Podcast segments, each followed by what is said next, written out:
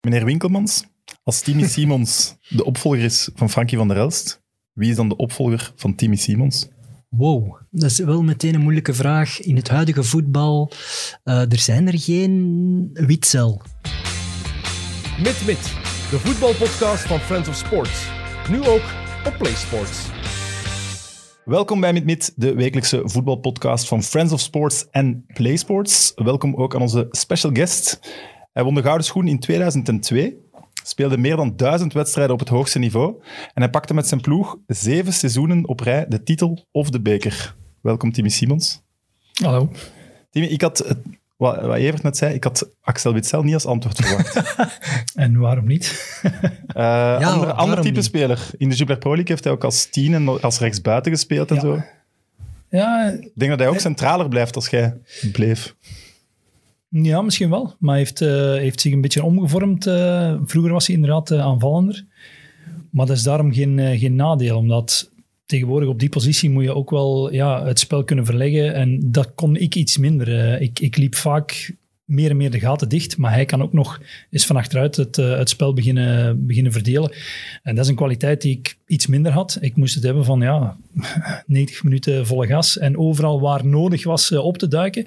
Natuurlijk, kon ook wel een balletje trappen, maar Axel is iemand die uh, op dat vlak veel verder staat. En je ziet de rust aan de bal. Ja, hij laat een ploeg eigenlijk beter draaien, in balbezit zelfs. En dat had ik iets minder. Ik had het meer, oké, hoe staat de ploeg in balverlies? Daar zal ik mijn meerwaarde wel, uh, wel hebben. Dus dat is een, een verschillende kwaliteit. En je ziet, ja, overal waar, waar dat hij speelt of waar het hij niet is, dan pas uh, zie je zijn kwaliteiten of mis je hem. De, op dat vlak snap ik het dan misschien wel. Maar jij bedoelde misschien ook Frankie van der Elst, ja, icoon van Club Brugge. Ik denk in de top drie aller tijden. Timmy Simons in de top 10 bij Club Brugge misschien aller tijden. Oh, ja, bedankt. Ja, maar... Nee, ik was...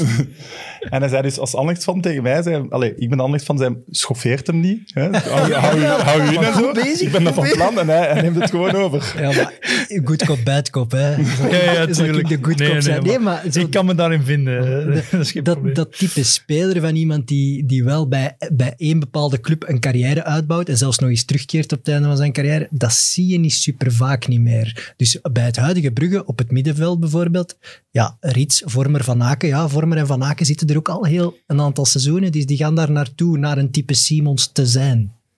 Oké, maar je hebt dit zelf geantwoord, hè? Ja, omdat bij de, Rode, bij de Rode Duivels zagen we de laatste keer nu dat hij er niet bij was, dat zo'n een, een, echte zes eigenlijk, die hij daar geworden is, als die er niet bij is, dat je dat merkt. En dat was bij Timmy ook, denk ik. Oké. Timmy, normaal uh, beginnen we altijd bij het begin van de carrière van onze gast. Maar ik denk dat het misschien iets leuk is om bij wat je nu aan het doen bent te mm beginnen. Zulte Waregem, hoe zeg je daar terechtgekomen? Want ik vond dat wel verrassend toen dat je dat voor de zomer bekend maakte. Ja, maar af en toe moet eens uh, iets verrassend doen. Want uh, ja, ik, uh, ik heb me op een bepaald moment wel de vraag gesteld van kijk, um, ik wil ooit hoofdtrainer worden. Die ambitie heb ik dan ja, sinds vorig jaar uitgesproken. Dat ik echt wel effectief wist van goed, dat is iets, iets voor mij. Wat ik de voorbije jaren, of, of vroeg me dat twee, drie jaar geleden, toen wist ik dat nog niet 100%. Nu wel. En dan moet je af en toe eens durven springen. En um, ja, in je vertrouwde omgeving blijven op dat vlak is niet altijd de beste oplossing. En ik heb ook de vraag gesteld, uh, kijk, wat is het beste traject om ooit hoofdtrainer te worden bij Club Brugge? Dat was de eerste vraag die ik gesteld heb. En ja, daar kon niemand een sluitend antwoord op geven. Moet je dan binnen de, de club terug uh, gaan groeien? Want ik uh, deed vorig jaar nog de U16 bij Club Brugge. was een fantastische ervaring en ik heb getwijfeld om dat te doen. Maar dat is de beste beslissing geweest. Eh, en dat was eigenlijk uh, op voorspraak van, uh, van Manhart en, uh, en Bart Verhagen. Die zei van, dat moet je echt wel gedaan hebben. En ik kan ze daar wel ja, in toe bijtreden. Want ik dacht van, ah, U16, dat zijn echt wel jonge gasten. Maar dat was de juiste beslissing geweest. En ehm, achteraf bekeken, chapeau dat ze dat voorgesteld hebben. Maar dan moet je de vraag stellen van, ja, hoe ga je ooit terug hoofdtrainer worden? Of ergens mm -hmm. aanspraak maken, nog maar aanspraak maken op ja, op die, uh, die trainers, uh, dat trainerschap. En ik heb toen een beslissing gepakt van, kijk, ik wil even weggaan om ooit nog terug te keren. En of dat er nu bij Club Brugge is of ergens anders. Ja, ik heb ook in het buitenland uh, nog, nog vrij goede contacten. Maar dat is de ambitie die ik toen uitgesproken heb. En niemand kon me daar eigenlijk een sluitend antwoord op geven. Dus heb ik zelf al gezegd van, kijk, ik heb nog jongens gezien die, of trainers gezien die weggegaan zijn en teruggekeerd. Onder andere Philippe uh, Clément. Goeie na- voorbeeld, denk ik. Voilà. Van een succesverhaal. Ja, van het succesverhaal. En die ook in, in de jeugd eh, of, of de, de belofte gedaan heeft, eh, academie gedaan heeft bij Club Brugge. Maar op een gegeven moment ook assistenttrainer geworden. En die ook de stap gezet heeft om eerst weg te gaan en eh, om ooit terug te keren. Dus ja, wat is de juiste weg? Dat zullen we achteraf moeten bekijken. Want als trainer word je toch afgerekend op de resultaten. En je moet elke dag presteren. Het is niet omdat je nu denkt van oké, die stap is de juiste geweest. Je moet het elke dag weer eh, maar doen.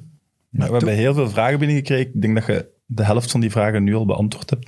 De ambitie om Voilà, T1 te worden dan, is er. eh, En om terug te keren naar Club Brugge ook.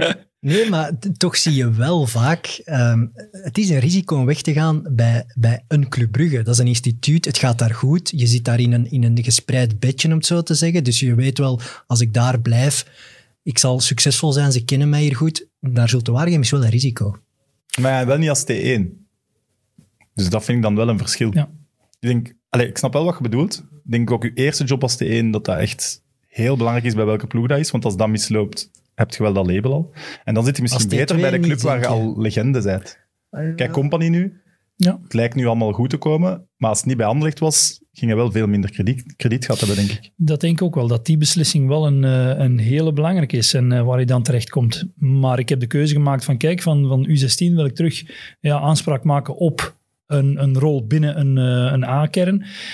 En daar was uh, Zulte Waregem eigenlijk de perfecte invulling eh, voor. Je kan werken met iemand, met Frankie, eh, die al 30 jaar ervaring heeft, tonnen ervaring, De meeste ervaring van de Pro League, doorwinterd Ja. en bij eenzelfde club. Dus dat, een stabiele club. Dus dat is ook wel een belangrijk eh, feit. Plus, ja, ik hoop dat Frankie nog wel een, een x-aantal jaren doorgaat. Maar als dat niet het geval is binnen twee, drie jaar, dat hij zegt van ik heb er genoeg van, ja, dan is het wel een goed moment om daar de nodige stap te zetten. Dat is een Is- rustig bestuur, een club. Voilà. stabiele Ja, club. Stabiele omgeving. En af en toe moet je eens iets, iets out of the box eh, proberen doen. Want ja, het makkelijkste had geweest van ik blijf bij Club Brugge. Maar dan was het nog geen garantie dat je daar kan doorgroeien tot... Want eh, ja, Nee, nee, nee. bij. Filip is het ook, eh, ook zo gebleken. Op het moment dat het... Ja, Dat de kans zich voordeed. de kans zich t- voordeed, Ja. was er enige twijfel.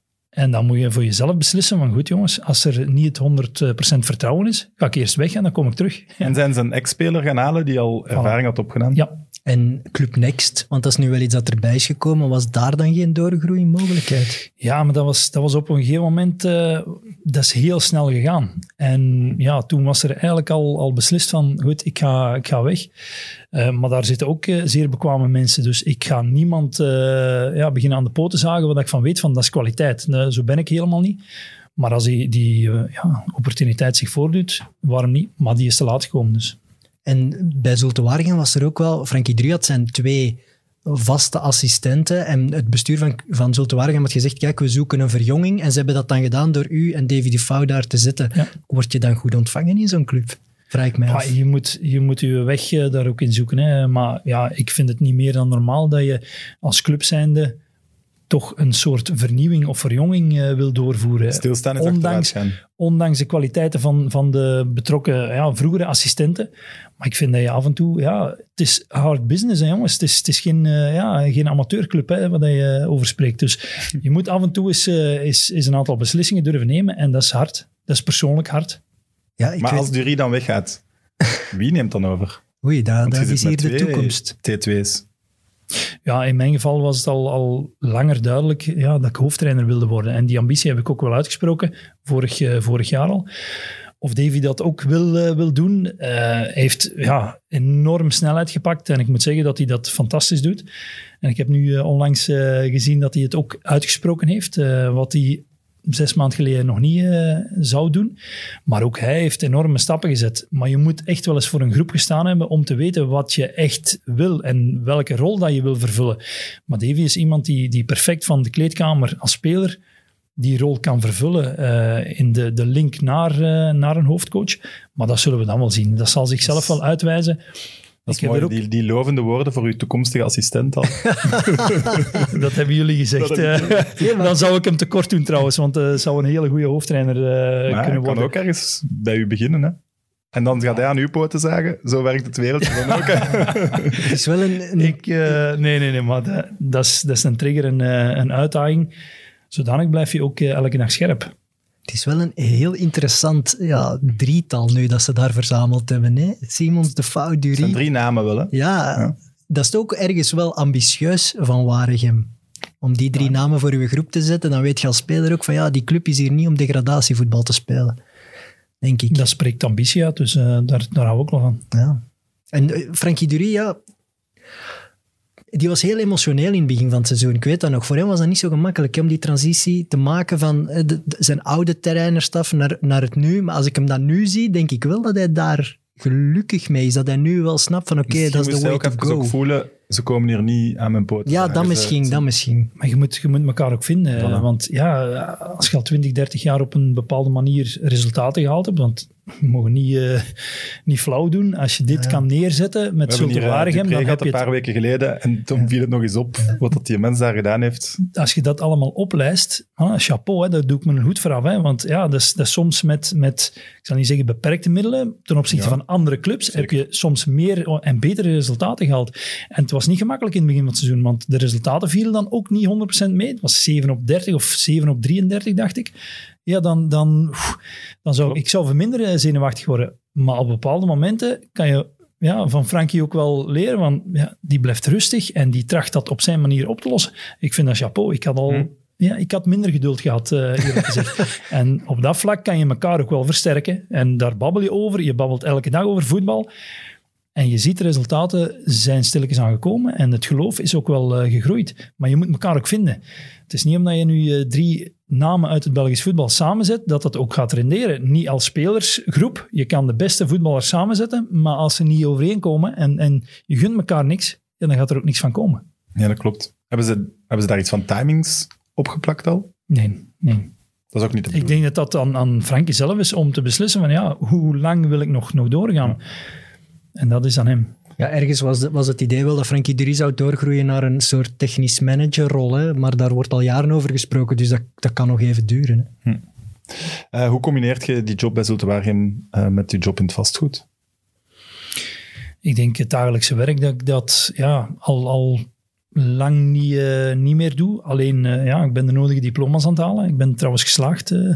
Ja, Eh, ik heb mijn diploma Primeur. eindelijk vast. Voilà, ja, ja, kijk. Ik ben er al zes jaar mee bezig geweest. Dus Zes ik heb dat jaar, joh. inderdaad... Een paar keer blijven zitten. Nee, nee, nee, nee, nee, nee. Het is drie jaar opleiding en dan nog eh 200 dagen ehm, stage volgen. En effectief eh, stage volgen in een kantoor. Dus daar kruipt wat tijd eh, in. En ik heb dat naast mijn eh voetbalcarrière ja, eh, carrière ook moeten, moeten doen. Dus dat was wel qua timing en time management een, een huzarenstukje. Maar het is uiteindelijk gelukt. En als ik ergens aan begin, dan maak ik het ook af. En ehm, nee, maar het is, het is nu iets rustiger geworden. Dus het kon, het kon, het kon zijn Voilà. dat jij in het weekend eh, een topmatch speelde en dat jij dan een dag erna met mijn huisbezoek deed als ik ergens een nieuw huis wou Inderdaad, dat ik op kantoor zat en eh, telefoons oppakte. Ja, dat Zalig klopt. is dat. Als je in de regen van Brugge moet werken, moet dat toch gemakkelijk verkopen? Al die fans. Fans. Die willen gewoon een contract met uw handtekening. Ja, ja, dat klopt. Je bent wel een bezige bij, want we hadden dat nu daarnet ook besproken, een paar jaar geleden ook een veldritploeg. ja, Waar je manager van. ja, dat klopt. Mogen we dan de ontdekker van Wout van Aert noemen? Maar de ontdekker, ik denk dat dat meer mijn collega eh, geweest is. eh. Maar hoe, hoe beland je daarin? Is dat van een wielerpassie dan wel al gekomen? Of? Ja, vroeger eh, enorm passie gehad. eh, en mijn pa die was eh, zeer betrokken bij Roland Libeton. Was van ons dorp, ja. eh, streekgenoot. Dus eh, daar is eigenlijk de passie begonnen. Ja, Als dat knaap. je dan. Ja, ja, dat is heel vroeg begonnen. En elk weekend eigenlijk naar de cross. Als we zelf eh, geen wedstrijd hadden, dan waren we weg. En, Heeft uw eh, pa u dan nooit gepusht richting het wielrennen? nee, gelukkig niet, want eh, nee, dat, dat was niks voor mij. op. Met uw fysiek Ja, ik zou net ook denk denken ik van wel. dat dat iets voor u moet zijn. Ja, misschien wel, maar ik speel toch liever voetbal. Hè. dat is iets properder. nee, maar het is, het is wel een passie die al van heel jongs af aan begonnen is. En we zijn er eigenlijk ingerold omdat we aan het kijken waren met ons bedrijfje vastgoed, eh, vastgoedservice om naambekendheid eh, te krijgen. En op welke manier dat we dat hadden het best gingen, kunnen doen. En het, ja, het kost allemaal heel veel geld. En op een gegeven moment zei mijn collega van, misschien moeten we zelf een ploeg eh, oprichten. En we waren eigenlijk van plan om te starten met één of twee renners. Rob Peters zijn we eigenlijk mee gestart. En dat was een fantastisch idee, maar het is zo snel gegaan en uitgegroeid naar ja, veel groter dan ons bedrijf zelf werd. En op een gegeven moment hebben we gezegd van kijk, daar moeten we echt wel eh, Het is te groot. afbouwen. Ja, het is echt te groot geworden, want 90% van de tijd ging naar de crossploegen in plaats van naar, naar ons bedrijf. En dat is ook niet de bedoeling. Nee, dat gaat niet En- lang blijven bestaan. Nee, denk voilà. ik. Maar inderdaad, ja, we hebben wel Wout van Aert in ons ploeg gehad. We hebben Timmerlier eh, in ons ploeg gehad. En daar, mogen we ook, eh, daar zijn we ook trots op eh, dat Ja, we dat hebben kunnen doen. Maar is We dat hebben dan... goed gescout, hè, trouwens. Ja, ja. Nee, heel goed Maar is dat dan omdat je toch weer dat, dat, dat sporthart, dan, als je die overwinningen begint te voelen, of je denkt van, oh, ook in het veld rijden, dat is plezant, dat je toch meer, automatisch meer tijd daarin gaat steken, omdat je dat gewoon plezant vindt om met sport bezig te zijn en wedstrijden te winnen? Ja, het is, het is ook uw habi- habitat. Hè? Ondanks dat het eh, een andere sport is, eh, ja, kan je daar ook wel eh, je weg in vinden.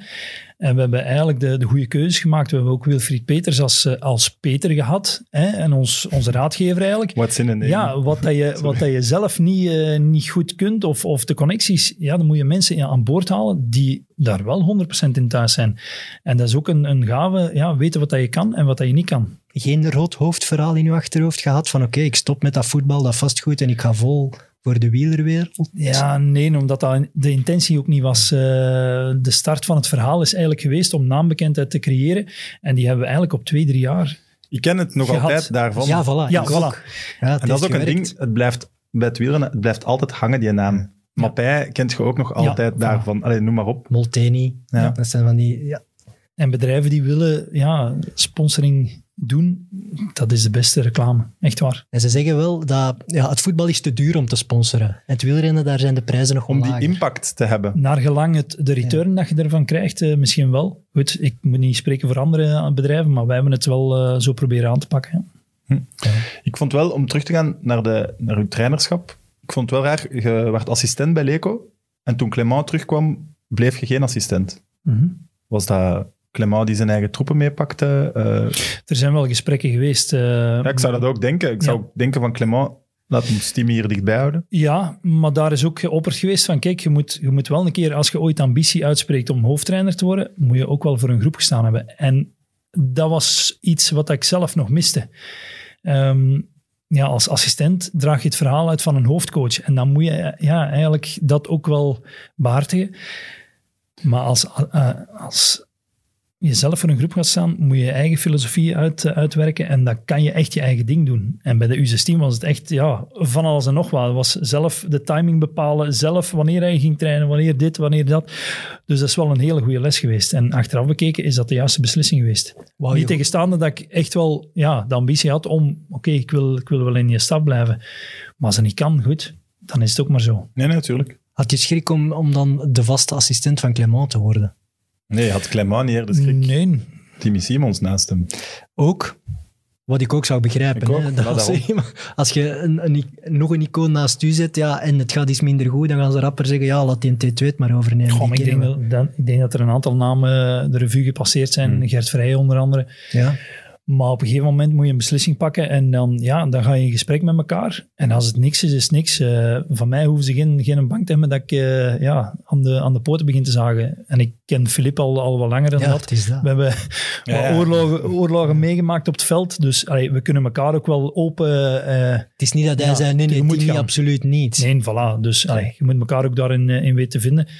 Maar mijn rol was eh, ja, op een ander vlak neerlegd. Dus. Maar hij, heeft probleem. wel de, de, ook toen risico gepakt door naar Beveren te gaan. Heeft hij dat tegen u dan ook niet gezegd? Ah, Timmy, je moet misschien echt naar zo'n een kleine ploeg daar vol voor dat is gaan. inderdaad eh, aan, aan, aan Dat bod gekomen. En ook ja, op basis van, van die gesprekken heb ik ook ja, meer geneigd om die rol eh, in te vullen. En dat ik een, een jeugdploeg ging, eh, ging pakken, want anders had ik dat nooit, nooit gedaan. Nooit. Zijn er spelers van die U16 die nu bij de Club Next spelen? Er zijn er een aantal eh, die doorgestoten zijn, ja. Natuurlijk geen garantie op, eh, op succes. Nee, daar, er- er als, zijn- als we zo jeugdtrainers hier hebben en we vragen zo, wie komt eraan, die willen we dan nooit namen noemen. Ik wil een gerust eh, naam Ja? noemen, maar Ja, zo moest ik een paaien. Hè. kijk, voilà. Slim. Perfect, echt goed gedaan. Hè. hè. Schitterend. Nee, maar dat- Maar je gaat ze toch niet weten. Oeh, nee, gaan we ze niet kennen? kijk, kijk de lijst maar eens na. Nee, maar er waren wel een aantal eh, jongens die, die Sisse toch wel- Sanda. Nee, dat is eh, net ervoor geweest. Ah, nee. die heb ik niet onder, eh, onder mijn hoede Ja, gehad. het is, ja, ze zijn wel echt nog jong. Hè. Ze nou, waren echt nog, eh, ja. ja, moeten echt nog wel, wel volwassen worden. En ze zijn hebben de kwali- bankzitters van Club Next. nu. Ze hebben de kwaliteiten om door te groeien, maar dat is nooit een garantie. Eh, ja, je speelt nu wel in volwassenenvoetbal. Hè, want Ja, ja. Anders had je die stap er nog tussen, beloftereeks. Maar nu is het echt van, van broekventje naar echt mannenvoetbal. En dat is, dat is toch wel een stap waar uh, velen ja, van, van schrikken. Voorstander van dat systeem? Ja, omdat je die discussie niet meer hebt. Uh, nu weet je, weet je echt wel van, kijk, anders is er nog twijfel. Die jongens denken dat ze al een stap Ah, verder staan. En dat ze recht hebben op meer. En nu kan je direct zeggen van, kijk, proef er maar eens van. En dan kom je wel op je pootjes terecht. Tuurlijk, het is hard om, om direct uh, mee te maken. Maar dan besef, beseffen ze wel van, er is nog werk aan. Ja, zo had ik het nog niet bekeken eigenlijk. Om die 16-jarige mannen die denken van ik ga ooit bij Barcelona spelen, terug met de voeten op de grond te zetten. Van bewijs het nu tegen Lommel, tegen Mhm. Lierse. Ja. Maar En dan ja, bij Ajax, jong Ajax is daar is kampioen geworden. Die spelen het jaar nadien ook niet allemaal bij Ajax. hè. Nee, dat klopt. Dat is, En als het om de knikkers gaat, uh, gelden er ook nog andere regels dan een beloftecompetitie. En dat Tuurlijk. hebben ze nu ook wel gemerkt. Maar de stappen die ze gezet hebben qua hardheid en volwassen worden, ja, daar, daar winnen ze eigenlijk wel twee, drie jaar mee. En dat is wel een surplus als je dat kan meemaken. Maar dat er werk aan is, ja, als je dat beseft, als je die, uh, die klik kan maken, dan ga je echt wel tijd winnen. Langs de andere kant is ook wel, denk ik, een ploeg waar je zo wat talenten kan ontdekken, waarvan je het misschien niet had verwacht, maar die dan plots in zo'n zo'n wereld wel tot hun recht komen. Dat denk Ja. ik ook wel. Zo Van- gasten die je onderschat puur qua voetballistiek talent, dan ineens in zo'n groep, als het voor recht is, veel beter worden. Want jij bent ook laat ontdekt, zo gaan er bij Bruggen ook zijn. Hè? Ja. ja, dat is een vraag die we binnenkregen van Lennart. Waarom ben je als jeugdspeler eigenlijk nooit ontdekt?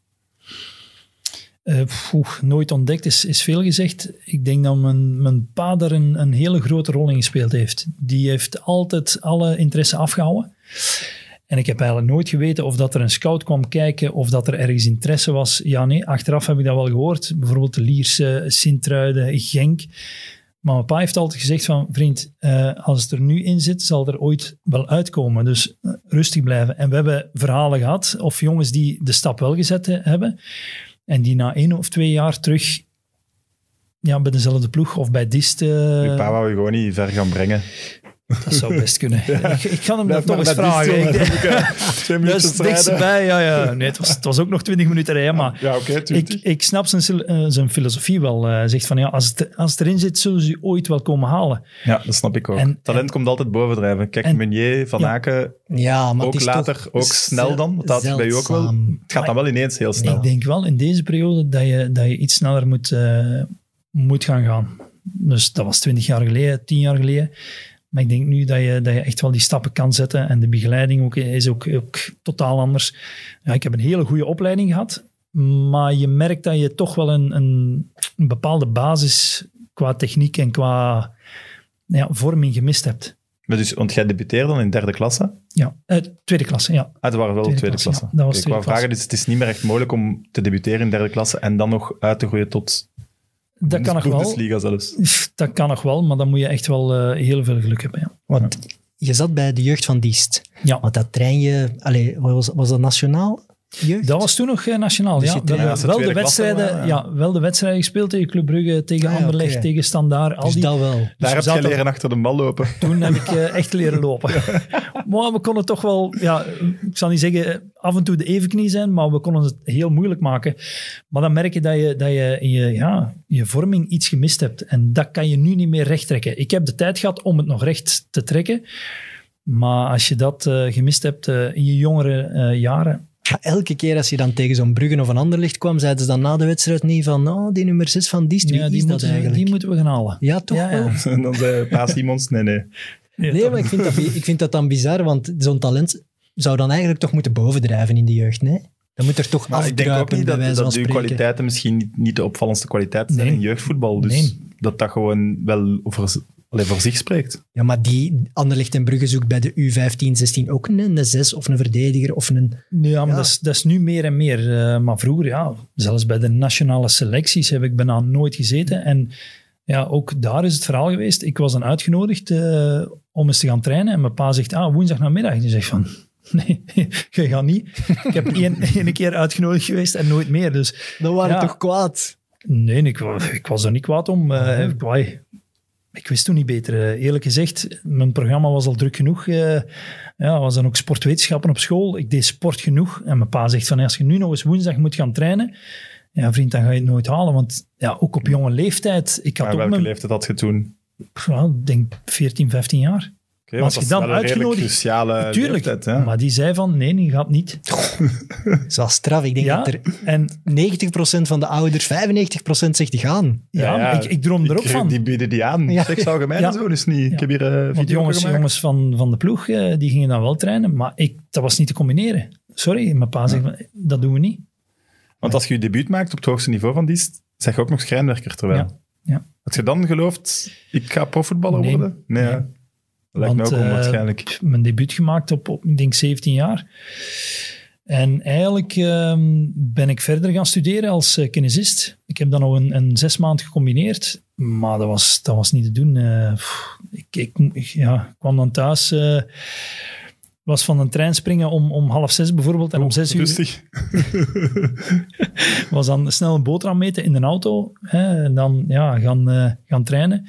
Zes uur of half zeven training. Om negen uur of half tien thuiskomen. En dan moet je nog beginnen studeren. Ik heb dan tijd kunnen, kunnen volhouden. Maar dat was toen... Oké, ik stop ermee. Dan kan ik beter gaan werken. Heb ik een iets rustiger eh, leven. Dan, dan ga je ook nog wel gas moeten geven. Maar dat was om acht uur beginnen. En om vijf uur ben je klaar. Moet je niet meer studeren na je, eh, je training. En dat was combineerbaar. Dus ik heb dat wel vier jaar eh, gedaan ofwel in de horeca gewerkt, ofwel schrijnwerker bij mijn pa. En dat was het dan. eh, het was de hard werken, jong. maar je hebt dan ook geen extra kopzorgen. Ja. Opdienen of keuken? Of... Nee, opdienen. Ja, hij- met zo'n gezicht... eh, Voilà, daarom dat hem de vraag stelt. daarom, daarom keuken, ja. En dan was Lommel eigenlijk de redding. Want dan kon je wel volop Ja, profvoetbal Ja, toen, eh, toen was het voor een eerste keer eh, profvoetballer. Maar ook daar is er risico gepakt. Want eigenlijk met de combinatie werk en nog eh, voetbal... verdien ik eigenlijk meer dan dat ik mijn eerste profcontract eh, ging tekenen. En ook daar heeft mijn pa gezegd van kijk, we gaan dat twee jaar doen. Als het- ja, twee Nou, dat jaar. was de eerste proberen. klasse. Dat was eerste klasse.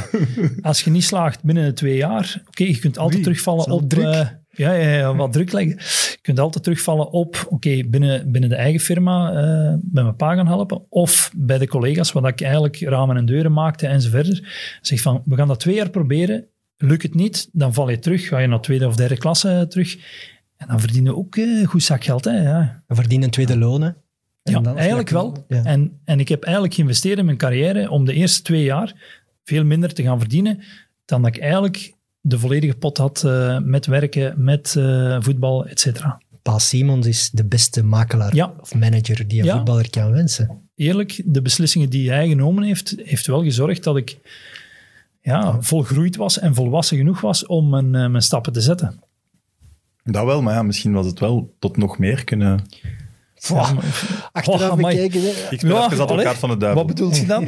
wat had daar nog bij gekund? Barcelona. ja, ja. Ja, debuut wel 21 jaar. Dat is toch al allee, een serieuze leeftijd. Tegenwoordig is Vind dat ik wel. oud. Ja, dat is voilà. oud. Ja. En dan centrale verdediger, verdedigende middenvelder, was wel een duidelijkheid over. Had je zelf het gevoel, ik ga als verdedigende middenvelder meer carrière kunnen maken? Ik deed het ook het liefste in het middenveld. Dat dacht Om- ik net niet. Goh, er Ik is, dacht dat ik iets is- gelezen had van dat je liever net centraal van achter speelde. Nee, dat is altijd... eh, nee, ik heb altijd aangegeven van, zolang dat ik in het middenveld eh, mijn ding kan blijven doen, zolang dat ik het ook fysisch kan, eh, aan kan, dan zou ik liever in het middenveld spelen. Omdat je daar je ding nog, nog meer kwijt kan. Ja, ik... ik werkte graag, liep graag, gaten dichten, een keer meer naar voren, wat dan niet veel gebeurde. Maar als centrale verdediger is anders spelen. Moet je echt wel met, is het meer kopie-kopie bijhouden. Is het, eh, ja, zien dat je geen fouten maakt. In het middenveld kan je af en toe nog eens een fout maken, dat wordt nog rechtgezet. Maar dat deed ik nog liever. Ja. Ja, Ik zo man-op-man verdedigen, ja, dat is toch wel een- een stijl apart ook, denk ik. Ik weet niet of dat er heel veel voetballers die in het eerste komen direct zeggen, dat doe ik graag. Nochtans, Soljet deed dat wel vaak, hè? Bij u? ja, soms een keer... eh, dan Echt man op man, centraal van achter. Ja, ja, maar ik ben eigenlijk ook begonnen in, in Lommel als, als soort ja, we speelden toen nog met een libero. Was onder lijklijsters Nog toen. vijf meter achter de verdediging. Ja, dat was toen van, kijk, eh, als, centrale, als centrale ver- van verdediger is het de bedoeling om uw man te volgen. Dat was echt, Voorstopper echt. ja, echt voorstopper. vroeger, ja. En dat heb ik ook nog gedaan de eerste paar maanden. En totdat, ehm denk onder Jos Daarde, zijn we overgestapt in zonneverdediging. Maar ik, ik hoorde het in Keulen donderen. Hè. Dat was de eerste keer dat ik hoorde van zonneverdediging. Bij mij was het van man volgen en Ja. ja, Tot plakken. het toilet. ja. Gaat een pissen, ga je mee. Dat was het principe. en eigenlijk was het de eerste keer dat we in zone gingen verdedigen. En dat was totaal nieuw voor mij. Ja, achteraf bekeken was dat een logische, logische redenering. Maar ja, ik wist toen niet beter. Dat was toen volgen en, en ja, die man uit de, uit de wedstrijd halen. In het middenveld trouwens ook nog. Dat was, ik heb toen tegen Zetterberg gespeeld. Ja, dat was mijn Losse. taak. Was volgen, die mag niet aan de bal komen. En daar was ik ook vrij goed in. Eh, we hebben het die match niet gezien. En als we daardoor meer kans maakten om te winnen, had ik er ook geen moeite mee. Ik kon me goed wegcijferen. En dat is voordeel geweest, misschien een, ja, een grote kwaliteit geweest. Toch meer een, een verdediger op de zes. Ja, Ja. ja. en dat bedoel ik ook met, met het verschil tussen Axel Witsel. Ja, die kan nog op die moment voetballen, allee, Ja, ja, meer voetballend, vermogen. Voilà, Ja, hij is voilà. completer. Sowieso. En dat is goud waard op die positie. Hè. Ja. Heb je dat te danken aan je, aan uw uitzonderlijke fysieke conditie? Had je dat snel door van, oh, ik kan hier wel blijven, 90 minuten blijven gaan en anderen zijn moe na 70? Ik kon nog doorduwen na 70 minuten. Ja. Ze dat ooit getest? Ja, er, ja, er wordt eh, regelmatig wel getest. Hè. Eh, Ziekenhuistesten, VO2 max testen, En was dat dan uitzonderlijk? Dat was vrij hoog, ja. Dat was tegen de 80, eh Dat- VO2 max. Dat is toch heel, heel hoog. Zie, die, die duursporten, dat wielrennen, had ook gekund, toch? Dat had gekund, ja. ja. maar met- op zich ben ik wel tevreden met mijn carrière. Ja, als je Zetterberg uit de match hebt kunnen houden, is het goed. hè. Ja, maar dat Eén- was op die ene keer, moment... hè, eh, ene keer, Ene hè, keer, ene keer. Ja. Ik zal het er maar bij zeggen, want Maar tijdens uw periode bij Lommel las ik ook, je was PSV ook wel eens gekomen. Het ging wel snel rond, uw, uw steile opmars, zeg maar, werd wel snel opgepikt, hè? In eerste instantie was het, was het Feyenoord. Eh, die waren er het eerste, eerste bij. Ah, oké. Ik heb eh, gelezen dat dat in uw Brugge-periode was, maar dus dat was toen Dat ook was al. toen ook al, ja. Ja. Ja, klopt. En eh, Maar dat was. Pa Simons die zei... Dat is te ver. ja, dat was- wil ik ja, rijden. Dat gaan we niet doen. nee, ook, was eh, inderdaad... Lokeren, KV ja, Mechelen, Genk. ja, ja. En waarom dan Dat Club Brugge? Waart Ja. jij fan als kind van Club Brugge? Als Club Brugge langskomt, dan moet je niet twijfelen. Ja, Genk, die- Genk was toen ja, natuurlijk ook nog niet het Genk van nu. Andere clubs toch ook? Ja, Ja, op- Genk kwam toch uit de periode met die titels. Op dat moment wel, maar ik had toch wel een boontje voor, eh, voor Club Brugge. En daar, daar spreekt ook wel het supportershart. eh, ik ben eigenlijk nooit eh, naar Club Brugge geweest om wedstrijden te bekijken, maar op tv, ja. Ik was eigenlijk ook al, eh, al supporter van kleins af. En dat heeft ook eh, de Hoe doorslag kan gegeven. dat? maar dan was toch ook Frankie van der Elst, de vergelijking die Ja. vaak gemaakt is, Ja. Speelde daar toch ook sowieso in mee. En dat was, ja, ik was echt super fan van, eh, van Frankie. Als ik zag hoe dat hij die, die positie invulde, ja, dat was eh, chapeau. Ja. Meer kan ik er niet over zeggen. Ja. Ja. Frankie is naar Brugge gegaan van RWDM. Dat degradeerde. En jij bent van Lommel gekomen die ook degradeerde. Dus dat is onwaarschijnlijk hoeveel gelijkenissen dat er tussen jullie twee zijn. Dus is het eigenlijk Mats Rits, de opvolger? De opvolger. Want die zakte met zeg KV dat niet, Mechelen. zeg dat niet, Sam. En die zijn toch gezakt? Ja. Ah, voilà. Hij is KV Mechelen supporter. En naar Club Brugge gegaan? En hem. is geëvolueerd naar een 6, maar was het niet. En hij, jij zei van een 4 naar een 6 geëvolueerd. En Frankie, ja, Frankie was ook wat aanvallender, denk ik, in het begin. Hè?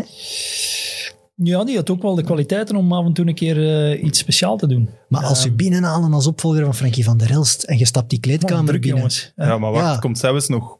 Zelfs wordt hem nog binnengehaald bij toch nog een grotere... Ja, ja, ja. Toch, Oei, nu ben ik wel benieuwd. Ja, oké, is goed. Frankie van der Elst, vier WK's gespeeld. eh, ja, wat is het allemaal? Alle prijzen gewonnen die je maar kunt winnen in het Belgische voetbal. En dan zeggen ze, ja, hier is een gast van Lommel. Eh, Die Ja, gaat het een- nu doen. De gast van Lommel was het wel al niet meer. Of wel? Ik, moet Ja? wel Want eerlijk je speelde zijn. wel meteen, hè? Ja, maar de eerste keer dat ik op Club Brugge binnenliep en ik kwam Danny Verlinde tegen. Danny Verlinden ook. Danny Verlinde. Wie is dat? En die kwam van de loges, ay, daar, eh, daarboven, en eh, van de kantoren. En ik zei, ja, goeiedag. Wat zijn Ja, dat was bij mij... pff, ja, Danny Verlinden, hè, jongens. Ja, dat was een icoon. En achteraf heeft hij me gezegd van, ja, ik ken u eigenlijk niet. En ik had eigenlijk al En hij had al tegen u met gespeeld. Lommel, voilà, ik had trouwens al gescoord tegen hem, eh, een paar keer een heel goede match gespeeld. Nee, maar dat was ook zo. En, en dan denk ik van, shit, je kende mij niet. Achteraf heeft hem dat bekend. Ja, van fuck. En ik had toch al 60, ja, een 65 wedstrijden gespeeld met Lommel. Ik had bijna geen enkele wedstrijd gemist. En dan denk je van, oh, ik betekent toch al iets. Nee, niets was, was minder waar. Die liggen dan niet van wakker. En, eh, maar ja, dat was oké. Ik, ik heb er ook geen moeite mee. Maar dan om direct die, die kleedkamer binnen te geraken. van- En, Want Soljet en- was toen al trainer, hè? ja, hij, is, kwam? hij is toen ook... eh, Toen kwam hij ook. Ja, toen kwam ook hij. Ehm, moet je plaats wel kunnen afdwingen. Als broekventje. Ongetwijfeld. Maar ja, Broekventje, wat, 23, 24? Tja, maar... Ja. Oké, ja, Danny jezelf als ja, maar als die zegt van ja, ik ken u niet, jongen. Ja, sorry, maar dan, dan is het ook wel, eh, wel zo. Dat is dan toch ook veranderd, want als je nu 24 bent bij Anderlecht, zeg je bij de drie, vier oudste, denk ik. Ja, dat klopt. Ja, maar ook mannen gelijk Gert en zo zaten in die kleedkamer. Allee, dat is toch wel ook... De, een klik in de kleedkamer, die is er al. Dus je moet er altijd jezelf aan proberen gaan toe te voegen. Dus als dat niet meteen lukt, is dat vaak wel Ja. heel moeilijk om Dat daar... was toen met Danny Verlinde, met Philippe Clément, met Sven Vermand, Fadiga, eh Anglebert. Dat waren toch wel jongens, ja. Sandy Martens. Ja, dan is het op trein. Cindy Martens, zeggen wij Anderlecht-fans. Oh. ik moet toch een beetje in mijn rol Ja. blijven, hè? Allee. Maar de periode die eraan komt bij Brugge, die heeft wel Ja. pijn gedaan. Hè? Want eh, onder ja. Hebben ze wel eh, de prijzen binnengeharkt. Zeer. Goh. Het was een, een goede driehoek, hè? Tsjech, jij dan, Anglebert. Ja. Wel niet, ik vond dat persoonlijk niet het mooiste voetbal, maar ja, wel zeer, Maar zeer echt wel complementair Zeer eh, met efficiënt. elkaar. Ja. Sven Vermand in het eerste, eerste jaar ook nog. Dan is hij naar, naar Schalke gegaan. Ja, dat, dat klikte gewoon eh, direct. Tsjech heeft een interview gegeven. Ik speelde graag samen met Simons en Anglebert. Vertrekken bij Club Brugge was de grootste blunder uit mijn carrière. Oei. Dat zegt toch iets? Ja, dat was een machine. Dat Ja. is wat dat Ja. ik, als ik aan die periode denk, ja, dat was het solid voetbal. Het leek soms wat computergestuurd. Het was, het was heel duidelijk, heel helder, maar met heel veel doelpunten. Het was vernieuwend. Jij zegt saai, maar Nee, nee, nee. het was wel Veel heel aanvallend. wel, maar wel, ja. Hey, dat was aanvallend voetbal, ik weet- weet, dat nog. ja, ik weet op Daar werd in Europa er- ook naar gekeken, hè, naar Club Brugge van toen. Dat er zelfs kritiek was eh, op, op ja, het spel. En we maakten drie doelpunten gemiddeld per wedstrijd. Ik weet ja ik niet herinner dat je dan veel... met een paarse brillen. eh, Ja. Neem het me Ja, niet kwalijk. Dat, dat begrijp ik wel. eh. Maar ik herken wel, je hebt daar twee titels, twee bekers. Het werkte wel toen, hè, Soljet. in die vijf jaar eigenlijk zijn En er het voldoende... rare, wat ik ook het raar vond, is, het was, zoals gezegd, wel redelijk computergestuurd. Het was met looplijnen en zo, maar toch vonden de tegenstanders niet echt oplossingen. Nee. Dat is toch raar. Als we dan het Hein van Azenbroek systeem begon, begon toch op den duur, begonnen ze te zeggen, ze hebben een oplossing gevonden erop. Ja. En stopte dat een beetje. Ja, en toch is het moeilijk om daar tegen te spelen, omdat we toch wel de nodige kwaliteit hadden. Eh, het was niet academisch, eh, niet het meest verfijnde, en, en dat snap ik ook wel, dat begrijp ik. Maar het is verdomd moeilijk. Een ploeg die, die topfit is, die atletisch vermogen heeft, die ook nog kan voetballen eh, als het nodig is. Pas op, we speelden vrij aanvallend met ons backs, Olivier de, de Kok, Kok, en, en ja. eh, Van der Heijden aan de andere kant. Die mannen speelden meer winger dan, dan dat ze back waren. En Dat is waar. dan kwam ik op de proppen. Ik, ik liep dan vaak alle gaten dicht eh, die zij lieten. Maar dat was heel, ah ja, dat was onvoorspelbaar eigenlijk nog. Ik weet ook wel, dat was een soort powerplay. Hè? Als, het, als het niet ging, zo het eerste uur, dan konden ze het laatste half uur gewoon tanken en elke ploeg bezweek. Dat was wel een extra kwaliteit dat je nu bij heel veel ploegen niet meer ziet. Ze hebben geen plan B. Daar, je, hebt er plan A, hogeschoolvoetbal, en we gaan met driehoekjes proberen en de inverted wingback. Maar als het laatste kwartier is, dan zie je vaak geen plan B niet meer. En dat dat Brugge wel, hè, met En- Langen en zo. En wij begonnen zelfs soms aan een wedstrijd op die manier. Omdat we direct- wisten van hoe gaan zij reageren. Kom, pompt ze maar in de, in de 16. Eh, gaan ze er goed mee om? Oké, dan schakelen we over. De eerste 15 minuten. Oké, doe maar. Hop, lang op Roene Lange of op Gert Verheijen. En eens zien hoe dat ze ermee omgaan. En Sorry, veel maar dan kun je mij toch niet verwijten dat ik dat niet het attractiefste voetbal vond. ja, maar dat is super efficiënt en alle jullie middelen. wonnen heel veel. Ja, maar, hè? maar wij hadden inderdaad een plan Ja, ja. A, B en zelfs op een gegeven moment met C. Als ik terugzakte tussen de centrale verdedigers, Dan ja, konden zij hoger gaan. dan konden zij hoger gaan. Eh speelde ik een vijf meter of tien meter hoger, was het een ander verhaal. Dus wij, wij konden dat wel, wij waren vrij flexibel. En met de jongens die we hadden, hadden we wel, ja, konden we op elke manier eh, spelen eigenlijk. Heel veel scorend vermogen ook. Is dat iets wat je nu meeneemt als trainer? De dingen die je toen was Soljet? Zeer zeker. Heb je nog contact met hem ooit? Ja, ja, ja. ja. Oké. Niet veel, maar Zou dat nu nog werken? Dat, eh, kan, dat kan werken als je die, eh, die type spelers hebt. Want ja, als je een ploeg hebt die actiemakers op de, op de vleugels heeft, die 1,80 meter of 1,75 meter zijn, ja, dan kan je geen moeilijker powerplay gaan spelen. Maar hadden de types met Sandy Martens op links eh, bijvoorbeeld, met Roene Lange in de spits en Gert Verheij. Ja, jongens, dat zijn allemaal jongens die, die een meter 90 zijn. Hè. Dat kan je op een andere manier ook gaan spelen. Dus het hangt er vanaf wat, wat types dat je in de ploeg hebt. Het was wel 4-3-3 toen en nu zie je weer heel veel ploegen met drie achterin. Dus eh, qua formatie verandert er wel wat. Maar het voetbal moet nog altijd kunnen werken. Maar jij zakte ook wel heel vaak zo terug vanuit je rol. Dus het was ook weer tussen de twee al. Voilà, wij waren toen al voor op onze tijd.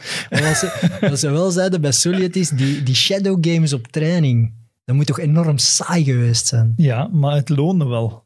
We stond echt- je daar te voetballen tegen lucht. Tegen En ik denk wel dat ik poppetjes. had een groep ook met geen vedette allures, dus die daar wel voor open stond allemaal, denk ik. Ja, Of ben ik en- mis? Nee, maar de shadow games eh, waarover eh, dat we spreken, was soms zonder tegenstand. Maar soms ook de jongens die, die bijvoorbeeld niet gingen spelen. En we hadden een kern van 20. Oké, de 11 starters. En waren er twee geblesseerd bijvoorbeeld. We spelen soms tegen vijf of zes jongens. En dan bootsen we de tegenstand na. Oké, ze spelen met vier achteraan, met drie achteraan. Ze gaan zo druk zetten.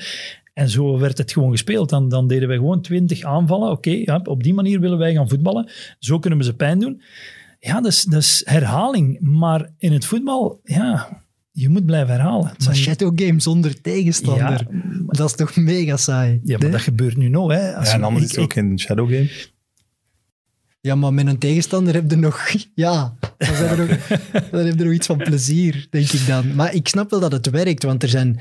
Atomos in de jaren tachtig deed het ook. Het repetitieve, elke keer op training hetzelfde, hetzelfde. En dat werkte En tegen ook. een aanpasbare tegenstander. Zoals Ja. gezegd, als ze met drie spelen, zit je er drie. Hoe dan doen we vier. het, ja. Ja. Een hele week daarop trainen gaat dat wel helpen in de match Tuurlijk. natuurlijk.